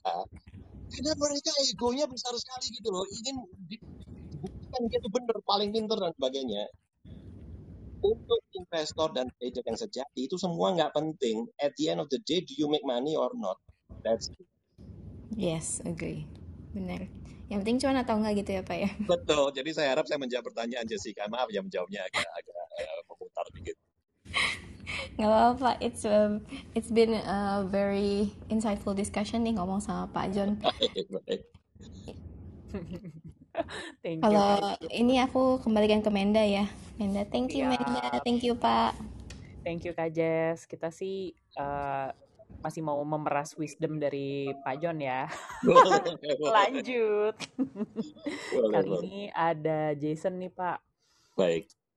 Hai Jason. Hai, hai Menda. Thank you nih buat waktunya Pak John. Mungkin uh, kalau dengar Pak John kan, Pak John kan apa ya, terkenal pernah prediksi nih dua kali uh, bearish market di Indonesia dan berhasil gitu ya dan yeah. Iya. uh, view-nya waktu itu benar-benar berbeda dari konsensus. Nah mungkin saya uh, mulai dengan pertanyaan yang seru dan saya yakin banyak ditunggu juga nih sama pendengar Indonesia uh, di investor saham bahagia ini. Menurut Pak Jong kira-kira bagaimana ya outlook pasar saham Indonesia dua tahun ini terutama di tengah isu tapering dan lain-lain menurut Pak John tahun ini bullish atau bearish nih Pak? um, jadi kalau teman-teman pernah tahu tentang report-report saya sebagai strategis di Mandiri Sekuritas, waktu itu uh, kita terkenal karena kita publish chart yang bukan ngomong soal year end target ya. Biasanya strategis itu ngomong end of year target saya indeks sekian gitu. Nah, yang saya lakukan sebagai strategis waktu itu, saya kasih chart naik turunnya kurang lebih seperti apa. Nah, ini saya nggak, saya nggak bukan berusaha apa uh, keminter gitu. Uh, tentu saya nggak bisa mengatakan saya akan tahu lekak-lekuknya naik turun naik turun nggak seperti itu sih. Jadi poinnya adalah dalam uh, chart yang kita tunjukkan untuk satu tahun atau dua tahun ke depan itu saya ingin identify faktor-faktor apa yang penting sekali untuk pergerakan indeks. Nah, sampai kapan kira-kira faktor itu pegang peranan gitu? Dan selama masa itu berlaku, selama masa dia relevan, saya ingin ngomong dalam pendapat saya, faktor itu ke kiri atau ke kanan. Sehingga indeksnya akan naik atau turun gitu, selama periode di mana faktor itu masih relevan. Nanti setelah periode itu habis, mungkin di periode selanjutnya faktor yang beda yang akan menjadi lebih relevan gitu kan. Sehingga muncullah lekak-leku itu. Dan bukannya saya ingin keminter ingin mengatakan saya tahu betul lekak-lekunya pas of course I don't know gini kan. Yang saya ingin lakukan adalah saya ingin highlight bahwa ini loh faktor-faktor yang harus kita perhatikan. Pendapat saya yang faktor ini ke kiri atau ke kanan pendapat yang faktor ini ke kiri atau ke kanan. Sehingga indeksnya kan seperti ini. Tapi itu semua adalah opini gitu. Yang ya tentu saya saya backup dengan uh, data-data at the end of the day, of course, it's still the market gitu loh. The market will go wherever it wants to go. Nah, tapi contohnya waktu 2013, uh, sewaktu saya uh, uh, apa bikin sell call untuk the whole country ya, untuk Indonesia, itu uh, berdasarkan fundamental analysis tentang ekonominya sendiri sih. Jadi dalam pendapat saya, ekonominya dalam uh, posisi yang nggak terlalu enak, sehingga earnings generation-nya untuk listed companies itu akan depress di 2013-nya. Sehingga saya uh, apa call-nya sell dan itu saya kepagian saya bikin sell call itu di bulan Desember 2012. Dia tidak ambruk sampai Mei gitu. Jadi selama lima bulan saya dimaki-maki orang nih. Um. Tapi saya katakan kan alasan saya adalah seperti ini ini gitu. Faktor-faktor ini yang mendap dalam pendapat saya akan membuat earnings generation di 2013 itu buruk gitu. Kalau seandainya faktor-faktor yang saya sebutkan itu berbeda arah dari yang saya katakan, saya dengan happy akan mengatakan saya salah. Saya bukan bukan ingin saya bukan ingin menyebar agama atau apa gini ya. Bukannya saya penting, oh harus ajaran saya yang benar gitu sama sekali enggak. Kita kan ingin tahu uh, at the end of the day uh, bisa make money atau enggak gitu kan dari pasar. Itu yang ingin saya tekankan gitu. Nah sekarang kalau kita ngomong 2022, yang saat ini sedang terjadi. Tadi kalau nggak salah uh, Bernardus waktu memberikan uh, apa market outlook di awal ada pembahas ini kan. Saat ini kita menikmati inflow. Indonesia menikmati inflow. Nah, ini ceritanya agak panjang sih sebetulnya. Karena sejak Indonesia nggak perform lagi dari 2018, itu sebetulnya investor asing itu sudah meninggalkan sekali uh, Indonesia. Jadi kalau kita melihat misalnya bobotnya Indonesia nih di berbagai indeks ya untuk emerging market atau Asia Pacific misalnya, um, peaknya tuh 2012. Waktu itu bobotnya Indonesia tuh sekitar antara 2 sampai 3 persen. Nah, sampai 2020-an, bobot itu udah turun ke sekitar satu persen. Jadi intinya karena demikian nggak perform, eh, bobotnya Indonesia di bursa dunia itu sudah sangat berkurang. Gitu. Jadi sebetulnya investor asing itu sudah makin lama makin nggak ngelihat Indonesia sampai sesuatu terjadi tahun lalu yang saya sebut evergrande effect gitu. Nah ini terus terang saya keliru waktu pertama kali melihat ini terjadi. Jadi untuk background teman-teman, uh, property developer sector di Cina itu saat ini lagi mengalami tsunami gini kan. Uh, intinya mereka hutangnya terlalu besar dan uh, penjualannya terlalu kecil untuk mensupport uh, hutang yang demikian besar. Terus Xi Jinping, diktatornya Cina, itu merasa khawatir dengan beban hutang dengan uh, sebetulnya seluruh negeri sih, tapi terutama untuk sektor property developer. Jadi dia bikin aturan tentang free red lines gitu, yang semuanya sebetulnya sangat reasonable, tapi intinya kalau perusahaan itu tidak bisa memenuhi tiga garis merah itu, maka perusahaan itu tidak diizinkan lagi untuk cari utang. Nah, ini yang membuat uh, awalnya cuma Evergrande ya, uh, kesulitan gitu. Evergrande waktu itu uh, perusahaan property developer terdua terbesar di Cina.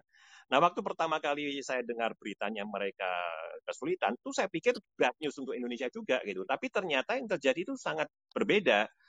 Jadi Cina itu adalah salah satu negara yang bobotnya paling besar gitu untuk fund-fund dunia, specifically untuk emerging market atau Asia Pacific. Jadi sewaktu uh, uh, Cina-nya goyang sekali, sebetulnya goyang bukan cuma property developer ya, tech sector juga dibukin gini kan oleh uh, Xi Jinping. Um, jadi banyak investornya pindah gitu kan, mereka ingin caw dari Cina, dia ingin keluar exit dari Cina, terus dia tanya mau ke mana gitu. Nah, salah satu yang dia cari negara yang relatif sukses untuk menghandle COVID, dan ekonominya bisa diharap rebound gitu karena dia sukses menangani COVID. Salah satunya adalah Indonesia. Yang satu lagi adalah India gitu. Jadi dan India dan Indonesia itu September Oktober tahun lalu itu menerima huge inflow uh, dari dari Evergrande effect ini.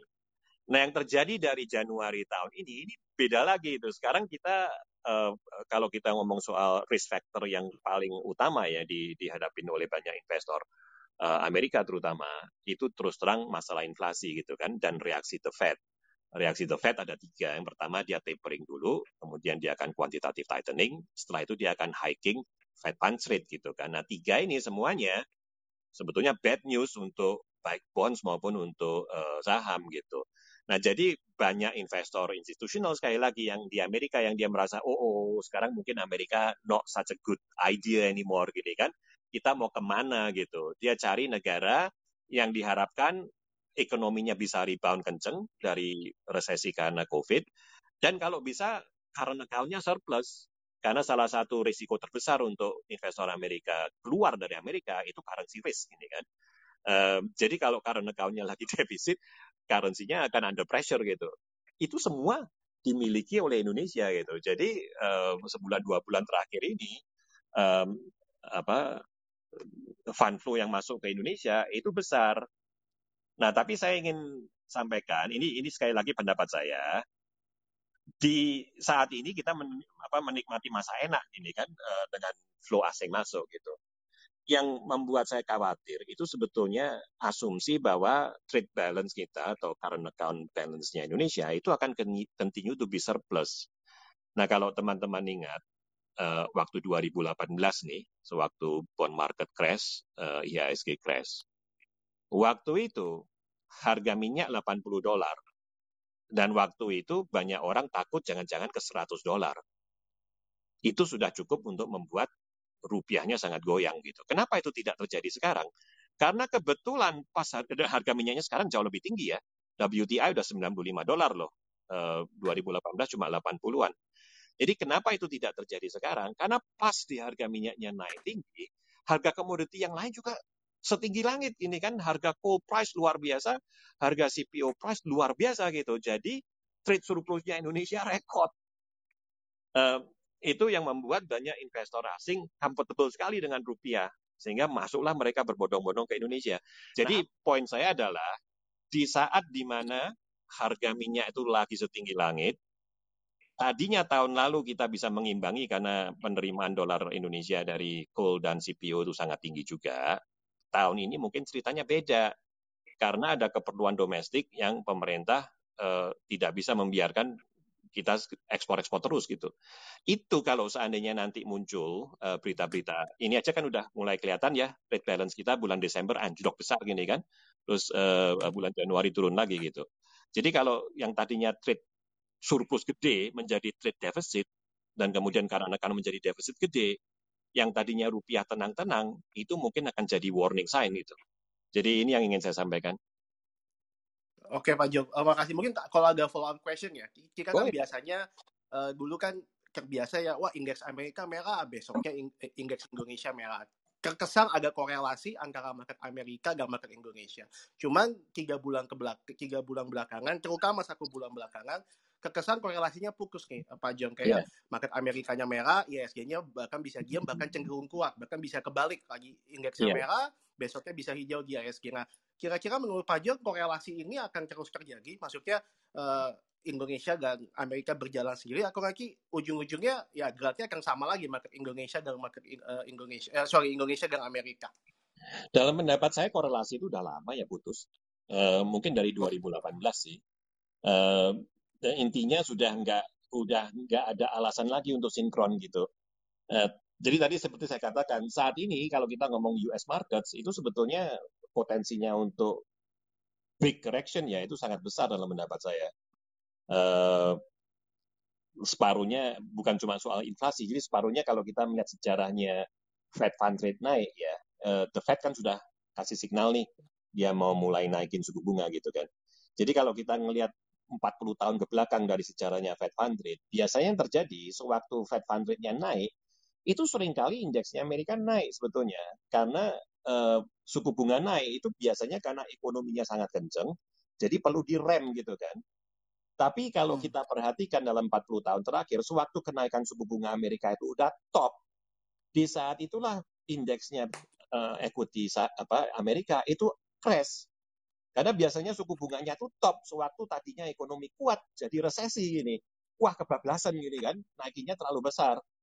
Nah, jadi itu yang mungkin akan terjadi saat ini di Amerika dalam pendapat saya. Tapi di Indonesia ceritanya sudah berbeda sama sekali gitu. Sebetulnya nih kalau kita nggak ngomong soal uh, ekspor coal dan CPO di dirusuin ini oleh pemerintah, sebetulnya outlooknya Indonesia tahun itu sangat-sangat bagus. Satu hal lagi yang saya nggak kurang suka ya, uh, Ibu SMI kan uh, mengusulkan untuk menaikkan tarif PPN gitu kan di bulan April. Itu dalam pendapat saya sangat-sangat keliru sih uh, terus terang. Karena ekonominya Indonesia belum begitu solid sehingga bisa mengabsorb kenaikan uh, PPN seperti itu gitu. Nah tentu saja pemerintah mengatakan oh ya saya siapin berbagai paket gini untuk membantu orang miskin dan sebagainya. Tapi kita tahulah di Indonesia administrasinya kan amburadul kan. Jadi eh, kalau PPN betul dinaikin nih, korbannya itu akan sangat banyak sekali di saat di mana ekonominya belum terlalu kuat. View saya sekali lagi ya, eh, saya yakin pemerintah akan punya view yang beda. Um, jadi sebetulnya kalau kita mengesampingkan semua itu, sebetulnya output Indonesia itu potensinya sangat bagus tahun ini gitu. Tapi kebetulan ada, jadi seandainya nih Amerika pun crash, itu nggak peduli Amerika crash, Indonesia tetap IHSG tetap akan naik. Tapi sayangnya karena hmm. ada beberapa rintangan-rintangan tadi yang perlu teman-teman perhatikan, terutama trade, trade balance kita. Every month it's announced. Jadi so pay close attention to that. Oke Pak, jadi keywordnya crack balance ya Pak ya untuk uh, untuk outlook 2022 ini ya Pak? Iya. Yeah. Ya, Oke, mungkin kita bisa ini ya, Pak. Kita mungkin bisa bahas sedikit soal uh, kuantitatif fund ya. Kan Pak Jong terkenal banget sebagai mungkin ya mungkin kalau kita dengar nama Pak Jong lama pasti nggak jauh-jauh dari kuantitatif fund karena Pak, Pak Jong juga merupakan komisaris independen dari Pinnacle ya Pak ya. Nah mungkin kalau boleh tahu Pak, tujuan akhir dari sebuah kuantitatif fund itu apa sih Pak? Apakah tujuan akhirnya itu menciptakan formula atau algoritma yang akhirnya bisa berdiri sendiri tanpa perlunya analisa subjektif atau diskresi dari seorang manajer investasi yang merupakan seorang manusia. Jadi kalau boleh tahu apa sih Pak endgame-nya kuantitatif fund itu Pak? Uh, sebetulnya our fundamental objective is the same ya dengan semua fund managers. Uh, kita harus kita wajib ini kan deliver performance dan returns untuk uh, investor kita. Nah, mungkin sebagai kuantitatif investor kita bisa mengatakan kita quant investor itu agak lebih balance dalam arti fokus kita tuh risk adjusted returns gitu bukan hanya sekedar returns dan oke okay, kita mengatakan bahwa semua artificial intelligence robotik dan sebagainya itu bisa membantu tapi at the end of the day uh, the key question is still can we deliver performance or not itu sih nah apakah kita bisa deliver melalui robot, melalui artificial intelligence, atau systematic strategy, dan sebagainya. It doesn't really matter sih, to be honest, uh, Jason. As long as uh, performance-nya in terms of risk adjusted return itu sampai gitu. Karena seperti tadi saya katakan, delivering performance di dunia investasi itu jauh dari mudah loh. Nah, ya, kalau boleh ada follow up question ya Pak, kalau misalnya sure. nih Pak, misalnya let's say uh, sebuah fund uh, mengemukakan formula dan variabel yang ternyata bisa secara konsisten mengalahkan indeks. Apakah yeah. ini menjadi sebuah ancaman Pak buat manajer investasi? Soalnya kan tadi kan juga Bapak sempat bahas bahwa broker itu juga mungkin saja seorang equity sales atau broker bisa digantikan oleh robot, ya kan? Oh nah, yeah. Pertanyaan mungkin masa depannya apakah mungkin juga nanti manajer investasi yang seorang manusia digantikan juga Pak oleh sebuah algoritma? Iya. Yeah. Uh, jadi uh, jawaban pendeknya ya, tapi jawaban panjangnya hati-hati gitu. Uh, kita udah beberapa okay. kali ada ada kejadian real life ya. Uh, contohnya kan dulu ada ceritanya tentang LCTM ya kalau teman-teman nggak ngikutin uh, fund manager di Amerika yang bernama LCTM ini Long Term Capital Management kalau nggak salah. 98 ya. Oleh, ya. Itu didirikan oleh beberapa Nobel Prize winner loh.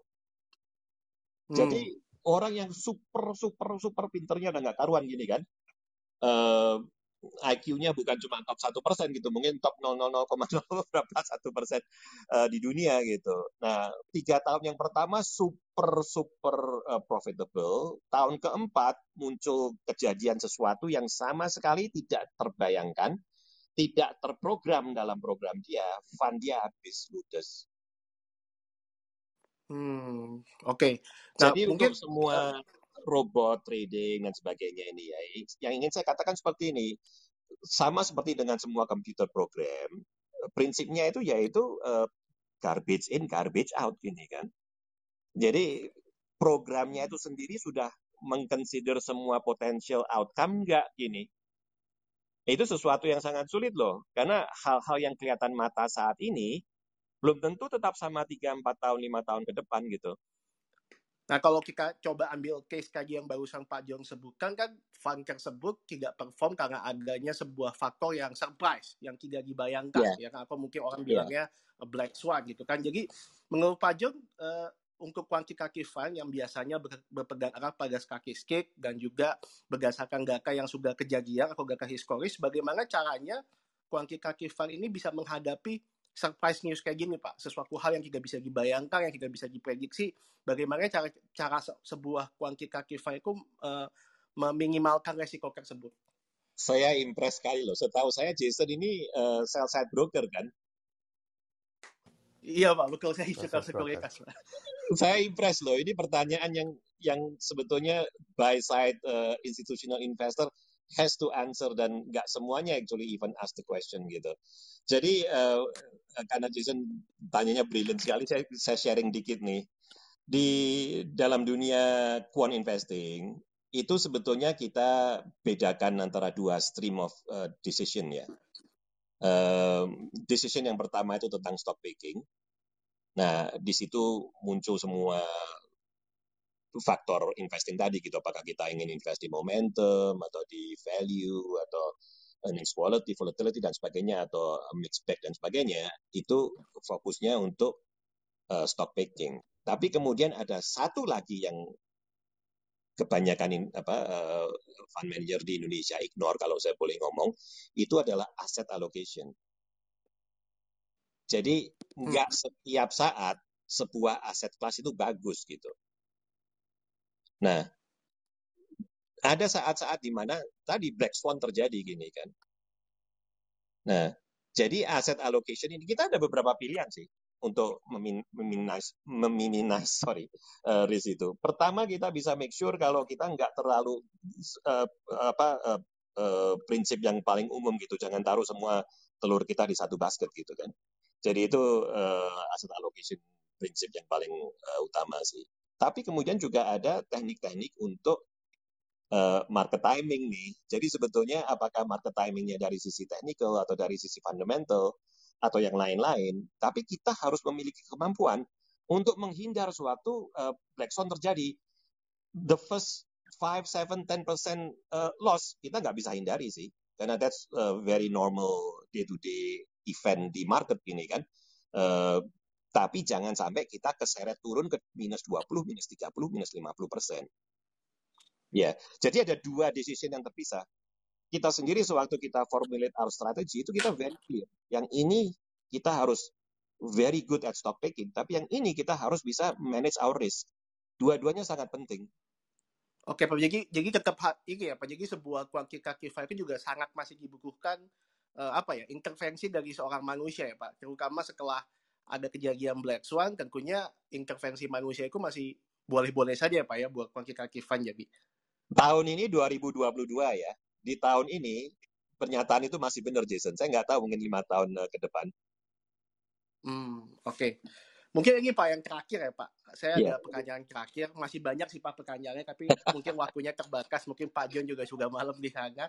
Jadi uh, pertanyaan terakhir saya, mungkin kan pagi Pak John sempat bahas soal revolusi industri 4.0 kan ada beberapa pekerjaan yang dulunya nggak ada tiba-tiba sekarang ada yang sekarang ada mungkin bisa hilang tadi juga Pak Jong sempat mention soal mungkin saja nanti equity sales itu digantikan oleh sebuah robot. Nah mungkin pertanyaan saya dari pengalaman Bapak sebagai head of research uh, waktu itu, uh, kalau misalnya Pak Jo mau memberikan saran kepada saya kan kerja di Sukor Sekuritas, tentunya kita sales side broker dan kebetulan profesi saya equity sales. Kira-kira bagaimana uh, nasihat Pak Jom buat uh, saya yang bisa bekerja sebagai equity sales supaya saya tidak tergantikan Pak oleh robot. Hal-hal apa yang harus saya miliki, skill-skill apa yang harus saya miliki. Kalau nggak kita saya hilang pekerjaan Pak, karena saya tergantikan oleh robot gitu Pak.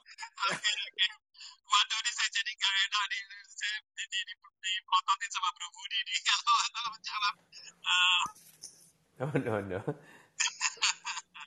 jadi uh, pertanyaan Jason cukup umum ya. Maksudnya kita semua tahu kan uh, tentang industri 4.0 coming ya. Uh, jadi discussion ini bukan hanya terbatas untuk uh, salesnya sales side broker sih, frankly speaking. Jadi ada dua elemen yang perlu kita uh, perhatikan. Jadi satu itu dalam dalam bagaimana kita survive industri 4.0 ya. Jadi satu itu mencari pekerjaan yang nggak bisa di oleh robot gitu kan. Tapi yang kedua juga kalau bisa uh, pekerjaannya highly paid. Jadi misalnya kalau nggak bisa di replace oleh robot, ya udah jadi hairdresser aja kan. Uh, siap kalau dikasih pilihan mau dipotong pangkas rambut oleh manusia atau oleh robot, saya rasa semua customer pilih dipangkas rambut oleh manusia gitu kan. Uh, jadi karir itu sangat aman gitu dari industri 4.0. Cuma masalahnya dia highly paid atau enggak. Nah, jadi hmm. uh, untuk menjawab pertanyaannya Jason tadi harus dua ada dua elemen itu gitu. Nah, jadi untuk specifically untuk salesnya sell side broker ya, Jason harus tanya diri sendiri gitu. Selama ini uh, sales yang jago, ngomong-ngomong saya bukan sales ya, saya nggak punya sama sekali nggak punya bakat untuk jadi sales yang baik gitu. Makanya kadang-kadang saya melihat teman-teman yang sales yang luar biasa dan biasanya kalau ini ini kalau sorry agak dulu waktu uh, Indonesia lagi hot-hotnya nih di, di kalangan uh, banyak global uh, brokers gitu kan Uh, seperti kita tahu, Bro Budi dulu uh, country chiefnya salah satu global broker terbesar gitu di Asia Pasifik. Uh, itu biasanya mereka sales. Nah, jadi kalau dibandingin antara sales dan research ya, itu biasanya yang lebih highly paid itu sales loh sebetulnya. Nah, jadi pertanyaannya itu apa yang membuat sales Kecuali itu... researchnya John Rahmat. bisa aja, bisa aja bro, Budi. Uh, jadi kita harus tanya diri kita sendiri gitu sebagai sales apa yang kita lakukan sehingga membuat fungsi kita sebagai sales itu begitu valuable untuk company kita gitu. Dan kemudian kita tanya apakah yang kita lakukan yang tadinya sangat valuable itu bisa di replace oleh mesin atau enggak. Ini saya ingin sharing ya dengan Jason ya kalau boleh. Jadi di boleh boleh Pak Jo. Iya, di Eropa itu sudah muncul aturan namanya MIFID kedua, MIFID 2. Nah, apa tujuannya MIFID 2? Itu institutional investor itu dipaksa untuk menjustify setiap elemen spending ya yang di charge ke investor. Jadi intinya nih kalau fundnya charge expenses untuk ini dan itu, dia harus bisa menjustify ke investornya bahwa setiap masing-masing item di expenditure dia itu sudah optimal gini. Jadi artinya apa? Untuk broker, biasanya saat ini sell side broker itu ngecharge-nya kan bundle ya. Uh, sell side broker itu memberi jasa ke institutional investor itu satu bundle di samping dia kita melayani dia jual beli saham, kita juga melayani kalau dia ingin ketemu uh, manajemen, gini kan, terutama ini penting untuk yang asing nih, yang dari Amerika atau Eropa atau Hong Kong, ingin datang ke Indonesia, kita yang ngatur uh, hotelnya, tiketnya, selama di Jakarta kita yang bawa mereka keliling dan sebagainya gitu kan, itu juga servis dong, ya kan, hmm. Uh, Jason kan nggak charge terpisah, nggak kita invoice terpisah, eh ini biaya hotel sekian, biaya mobil kan nggak gitu.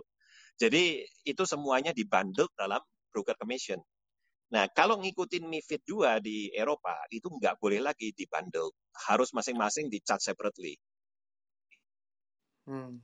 Nah, itu yang membuat broker commission anjlok sekali gini.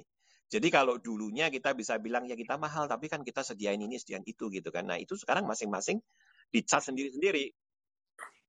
Jadi eh, dalam menjawab pertanyaan Jason, Jason harus tanya diri sendiri gitu, sebagai sales yang jago, apa sih yang saya lakukan yang demikian valuable untuk perusahaan gini kan? Satu-satu tuh harus uh, Jason uh, analisa, dan kemudian kita tanya sendiri, itu bisa diganti oleh manusia atau enggak gitu. Eh sorry, diganti dengan robot atau enggak. Untuk kasih contoh yang gampang aja nih, uh, ada satu eksperimen di Amerika gini kan, untuk uh, apa uh, karir lawyer. Nah, lawyer ini kan sering kali orang merasa ya harus manusia dong, ini kan uh, karena demikian sulit dan sebagainya. Tapi enggak loh. Jadi ada uh, ada satu proyek itu membandingkan dia uh, mengundang saya lupa 500 lawyer yang sudah punya pengalaman minimal lima tahun kerja gitu. Jadi not not a rookie, uh, tapi bukan super senior lawyer ya. Dan proyeknya itu dia buat uh, draft kontrak non-disclosure agreement sebetulnya uh, di beberapa sektor yang beda-beda. Dan 500 lawyer ini dikasih tahu, eh kita sengaja sisipin beberapa error nih di berbagai NDA tadi gitu, non-disclosure agreement. Tugas hmm. kalian adalah kamu harus identify uh, error-error itu gitu. Ya udah, dia jalan, jadi 500 lawyer jalan sendiri-sendiri. Kemudian uh, artificial intelligence juga jalan sendiri. Nah, ternyata hasilnya adalah in term of percentage nggak terlalu jauh. Kalau nggak salah, uh, lawyer manusianya bisa mengidentify mungkin katakanlah 88 persen gitu, yang uh, mesinnya mungkin bisa mengidentify 91 persen. Jadi bedanya nggak jauh. Tapi yang sangat jauh adalah waktunya. Rata-rata si human lawyer itu makan kalau nggak salah 6 atau 7 jam. Artificial intelligence-nya selesai 5 menit. Jadi itu yang ingin saya balikin gini. Dan ini semua udah mulai ke mana-mana gitu. Contohnya dokter atau ini apa uh, uh, asisten laboratorium gitu menganalisa hasil periksa darah gini kan. Itu artificial intelligence jauh lebih akurat dan jauh lebih cepat dibanding manusia. Jadi itu saya balikin karena mohon maaf nih saya nggak pernah jadi sales jadi saya nggak terlalu tahu sebetulnya di mana sih nilainya sales itu gitu kan. Ini yang uh, Jason harus tanya sendiri ini. Sebagai sales, apa yang Jason lakukan sehingga demikian valuable-nya sehingga support berani bayar tinggi gitu untuk uh, gaji Jason. Kalau nah. saya dulu jadi sales modalnya cuma ini Jason buku Five Languages of Love. itu jangan dipandang jangan dipandang remeh loh. Nah. Iya, iya. Oke Pak Jom, thank you banget Pak Jom buat quiz game yang Pak Jom malam-malam. Gak mungkin eh, saya kembalikan ke host ya supaya uh, Pak Bang Agus juga gak kesempatan buat kaya nih. Kalau gak waktunya habis. baik, baik. Aduh, ini seru banget sih obrolannya sampai pada stay loh Pak. Nih sampai ada berapa nih? Ada 500 orang stay dengerin Pak Jon. iya loh, saya kadang-kadang bingung ya, omong kosong saya masih didengerin terus. wisdom loh Pak, bukan omong kosong. Wisdom ini. Oke oke, ini ada yang udah gak sabar nanya nih Pak. Ada Mas Bernard nih. Hai Mas Bernard. Baik. Ya, halo malam Pak John. Apa kabar? Selamat malam. Kita belum pernah ketemu ya, Bernard? Belum pernah Pak, tapi seru Baik. banget saya mendengar pemaparan Bapak insightful banget nih. Jadi gak sabar pengen nanya banyak ke Pak John Rahmat malam ini. Baik, nah, silakan. Pak John Rahmat, pertanyaan pertama dari saya nih. Kan Pak John Rahmat ini telah berpuluh-puluh tahun malang melintang di dunia pasar modal baik di buy side maupun sell side. Nah, iya. apa yang membedakan pasar modal di tahun 2022 ini dengan 10 atau 20 tahun yang lalu? Dan apa challenge dan opportunity yang menarik baik di buy side maupun sell side di tahun 2022 ini, Pak? Uh, ini ini ini tough question ini. Saya saya akan berusaha menjawab dari sisi manajemen kalau begitu ya, dari yeah sisi manajemennya broker dan mungkin manajemennya institutional investor. Di dua-duanya jawaban yang paling utama tentu saja teknologi gitu.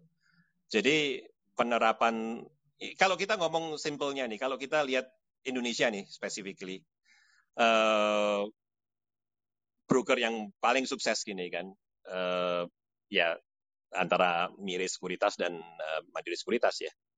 Um, tapi yang saya kagum dari Mire uh, terutama itu adalah penerapan teknologi mereka.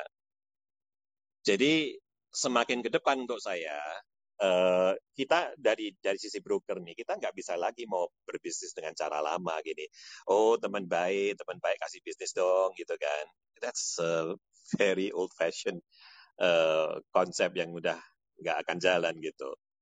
Uh, dan makin hari karena makin banyak teknologi provider, juga nggak bisa di-accept kalau sistem kita ini performance-nya jauh di bawah yang lain-lain gitu. Uh, saya juga tahu dulu ada sewaktu kita saya masih di, di uh, sell side ya. Banyak investor yang banding-bandingin dong uh, apa namanya broker yang punya online trading system kan banyak.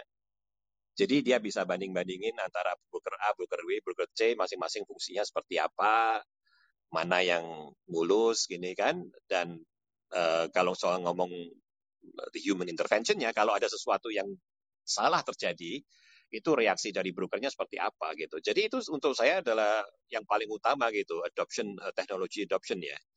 Uh, mereka yang lambat soal itu ya dia akan tertinggal. Uh, itu yang pertama. Tapi yang kedua juga dari sisi uh, generating revenue untuk the business is getting a lot tougher and tougher gitu. Jadi cerita-cerita di masa lalu di mana kalau kita ngomong tahun 1980-an ya waktu itu menjadi sales sangat gampang loh kita bawa aja klien-klien kita pergi makan, gini kan, pergi foya-foya. Uh, itu aja udah cukup untuk uh, setelah kita selesai happy-happy, besoknya order datang gini. Um, cara kerja macam itu sudah nggak bisa jalan sama sekali gini kan. Jadi uh, untuk terutama untuk sell side broker ya, untuk saya sebetulnya broker tuh pinginnya kan nggak ada risiko. Jadi dia cuma eksekusi aja gini kan. Whatever client uh, tell us buy sell ya kita buy sell aja sesuai dengan uh, keinginan klien gitu. Tapi kalau saya boleh bandingkan nih, misalnya ETF broker di Amerika dan ETF broker di Indonesia. Nah, salah satu perbedaan paling utama nih dalam pendapat saya, banyak ETF yang listed di Amerika itu jam tradingnya nggak sama dengan uh, jam tradingnya Amerika loh. Jadi misalnya kalau dia kita tahu ada ETF untuk Indonesia yang listed di Amerika kan. Nah, sewaktu Amerika buka untuk trading itu Indonesia tidur. Iya kan?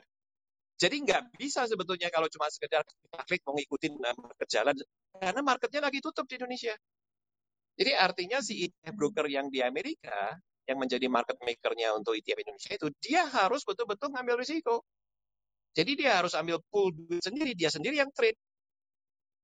Nah, itu semakin semakin hari makin sekali dia bukan untuk Indonesia gini kan untuk banyak negara yang lain baik di Asia maupun Eropa bahkan Middle East gini uh, dan itu yang bisa dan itu semua ada caranya ya dengan sendirinya nggak sekedar orang taking risk itu bukan sesuatu yang sangat simple gitu. Jadi risk management sistemnya harus very very strong. But it is doable and a lot of kalau kita ngomong seperti JP Morgan, Morgan Stanley dan sebagainya, one of their big uh, income generation itu dari uh, their own proprietary money, to be honest. Jadi ini sesuatu yang uh, banyak pemilik usaha uh, sell side broker di Indonesia yang sama sekali nggak terbiasa. Nah ini ini peringatan sebetulnya. Mereka pikir oh punya uh, broker commission 15 basis point kita masih bisa hidup kok dari situ. It may not last that much longer loh, to be honest. Um, jadi ini yang mungkin sesuatu yang bisa diperhatikan dari sekarang. Nah, kalau kita ngomong soal buy side-nya uh, on the other hand, tadi sudah saya sampaikan semua challenge-nya gitu. Kalau sekarang dengan adanya index fund, ada index ETF. Nah, kebetulan just as it happened, the last four years, IHSG-nya sendiri nggak perform gini. Jadi orang nggak terlalu pusing soal ya fund kita nggak perform, index juga nggak perform ini kan. Tapi nanti nih kalau seandainya Indonesia become hot market lagi dan IHSG-nya terbang, itu semua fund-fund manager yang nggak bisa uh, outperform the index ETF, they will have serious problems. Jadi untuk setiap fund managers itu mereka harus look at themselves ini kan, what are our expertise gitu. Kenapa kita merasa kita bisa layak menerima uh, dana dari masyarakat? What are our advantage ini kan? What are our abilities? Itu yang mereka harus betul-betul tanya diri sendiri. At the end of the day, kalau kita ngomong soal buy side uh, fund managers, it's all down to performance dalam pendapat saya. Oke Pak, jadi kunci dari sales side yang pertama tadi teknologi ya Pak ya dan customer yeah. service supaya benar-benar bisa menjadi salah satu broker yang terbesar yaitu benar-benar didorong oleh teknologi dan nanti kita juga mohon doa nih Pak John Sukor Sekuritas akan meluncurkan aplikasi terbaru nanti bulan Maret untuk soft launching dan grand launchingnya bulan Mei mudah-mudahan bisa uh, teknologinya juga canggih lah Pak. Nanti Pak John nanti saya juga John invite. Wah. Untuk yang launchingnya nih. Uh, Pak Benadus ini CEO-nya ya, Budi ya? Iya Pak John. Ya. Oke, congrats, congrats. Semoga ya. sukses. Amin Pak. Dan tadi yang kaitannya mengenai bicep, lagi-lagi return ya Pak ya untuk kunci sukses menjadi seorang fund manager atau manager investasi. Kuncinya ada return, apalagi kalau nanti IHSG terbang melayang nih Ya betul. Tapi tadi yang yang yang sempat disebut oleh Jason tentang bagaimana memanage uh, black swan risk tadi ya, itu sangat penting loh. Karena seperti saya katakan, kalau kita ngomong Amerika aja nih contohnya benchmark S&P 500, itu tail side risk-nya maximum drawdown itu minus 54 persen loh. In reality siapa yang kuat disuruh rugi 54 persen gini kan? Jadi uh, this is one area where we feel as House of Quants gini kan we sort of pay more attention than the conventional funds. You have to pay attention to both the risk and the returns gitu. Jadi meskipun yes the returns are the number one, tapi the risk has to be managed juga gini. Jadi that's why in, in uh, quantitative investing kita tuh talknya about risk adjusted returns gitu, bukan hanya the returns. Uh, but that that is the number one objective in my opinion. Oke Pak John. Nah nih Pak, last question dari saya Pak sebelum nanti saya kembalikan ke Jessica nih karena waktunya udah terbatas. Nah kaitannya mengenai Pak John nih, Pak John ini kan udah puluhan tahun malang melintang di pasar modal dan hingga saat ini masih konsisten aktif. Kunci Bapak supaya terus aktif dan bisa berkarya di pasar modal dan memberikan dampak positif di pasar ini seperti apa Pak? Supaya kita bisa yang muda-muda ini juga bakal lama long lasting di pasar modal jawaban yang agak agak nakal dan bercanda ya karena saya masih miskin sih. Jadi saya perlu cari duit gitu kan. Merendah. Merendah sekali, Pak. jawaban yang jawaban yang mungkin lebih substantif. Tadi saya katakan bahwa mendiang ayah saya memberi beberapa nasihat gitu kan. Uh, Yang pertama tadi yang sangat saya perhatikan tuh never forget who your customers are. Hmm. Dan nasihat kedua beliau yang juga sangat saya pegang untuk karir saya, itu dia bilang kamu bebas mau pilih uh, karir apa aja yang kamu suka gini kan. Just make sure that you actually enjoy doing the work gitu. Karena if you work for the money, bukan enjoyment. Itu setiap hari kamu bangun berangkat kerja itu penderitaan loh. Hmm. Nah, kebetulan saya enjoy sekali dengan investing atau trading ini gitu. Jadi untuk saya it's not actually work gitu kan. It's actually something I really enjoy. Jadi mungkin pesan itu dari mendiang ayah saya yang bisa saya sampaikan untuk teman-teman dalam memilih karir. Itu penting sekali untuk kita memilih sesuatu yang kita enjoy gitu. Bijak banget. Ya. Setuju banget aku. Setuju Pak Kunci enjoy ya dan love what you do. Betul, betul. Wow, terima kasih Pak John Rahmat dan saya kembalikan ke Menda nih, udah diketok ke pertanyaan aja nih. Silahkan Menda. Ya wes, kalau gitu uh, berarti kita bisa wrap up malam ini. Iya, ya, terima, terima kasih banyak. banyak. Selamat Terima kasih juga teman-teman yang mendengar. Uh, begitu sabar mendengarkan semua omong kosong saya. Sekali lagi Thank you banget Pak John. Terima kasih John. It was very entertaining and very insightful. Luar biasa energinya. Thank you ya. Ya, mari mari. Okay, have a good rest. Yuk, bye bye. Ya, terima kasih semua host. Terima kasih teman-teman investor saham bahagia. Sampai ketemu minggu depan.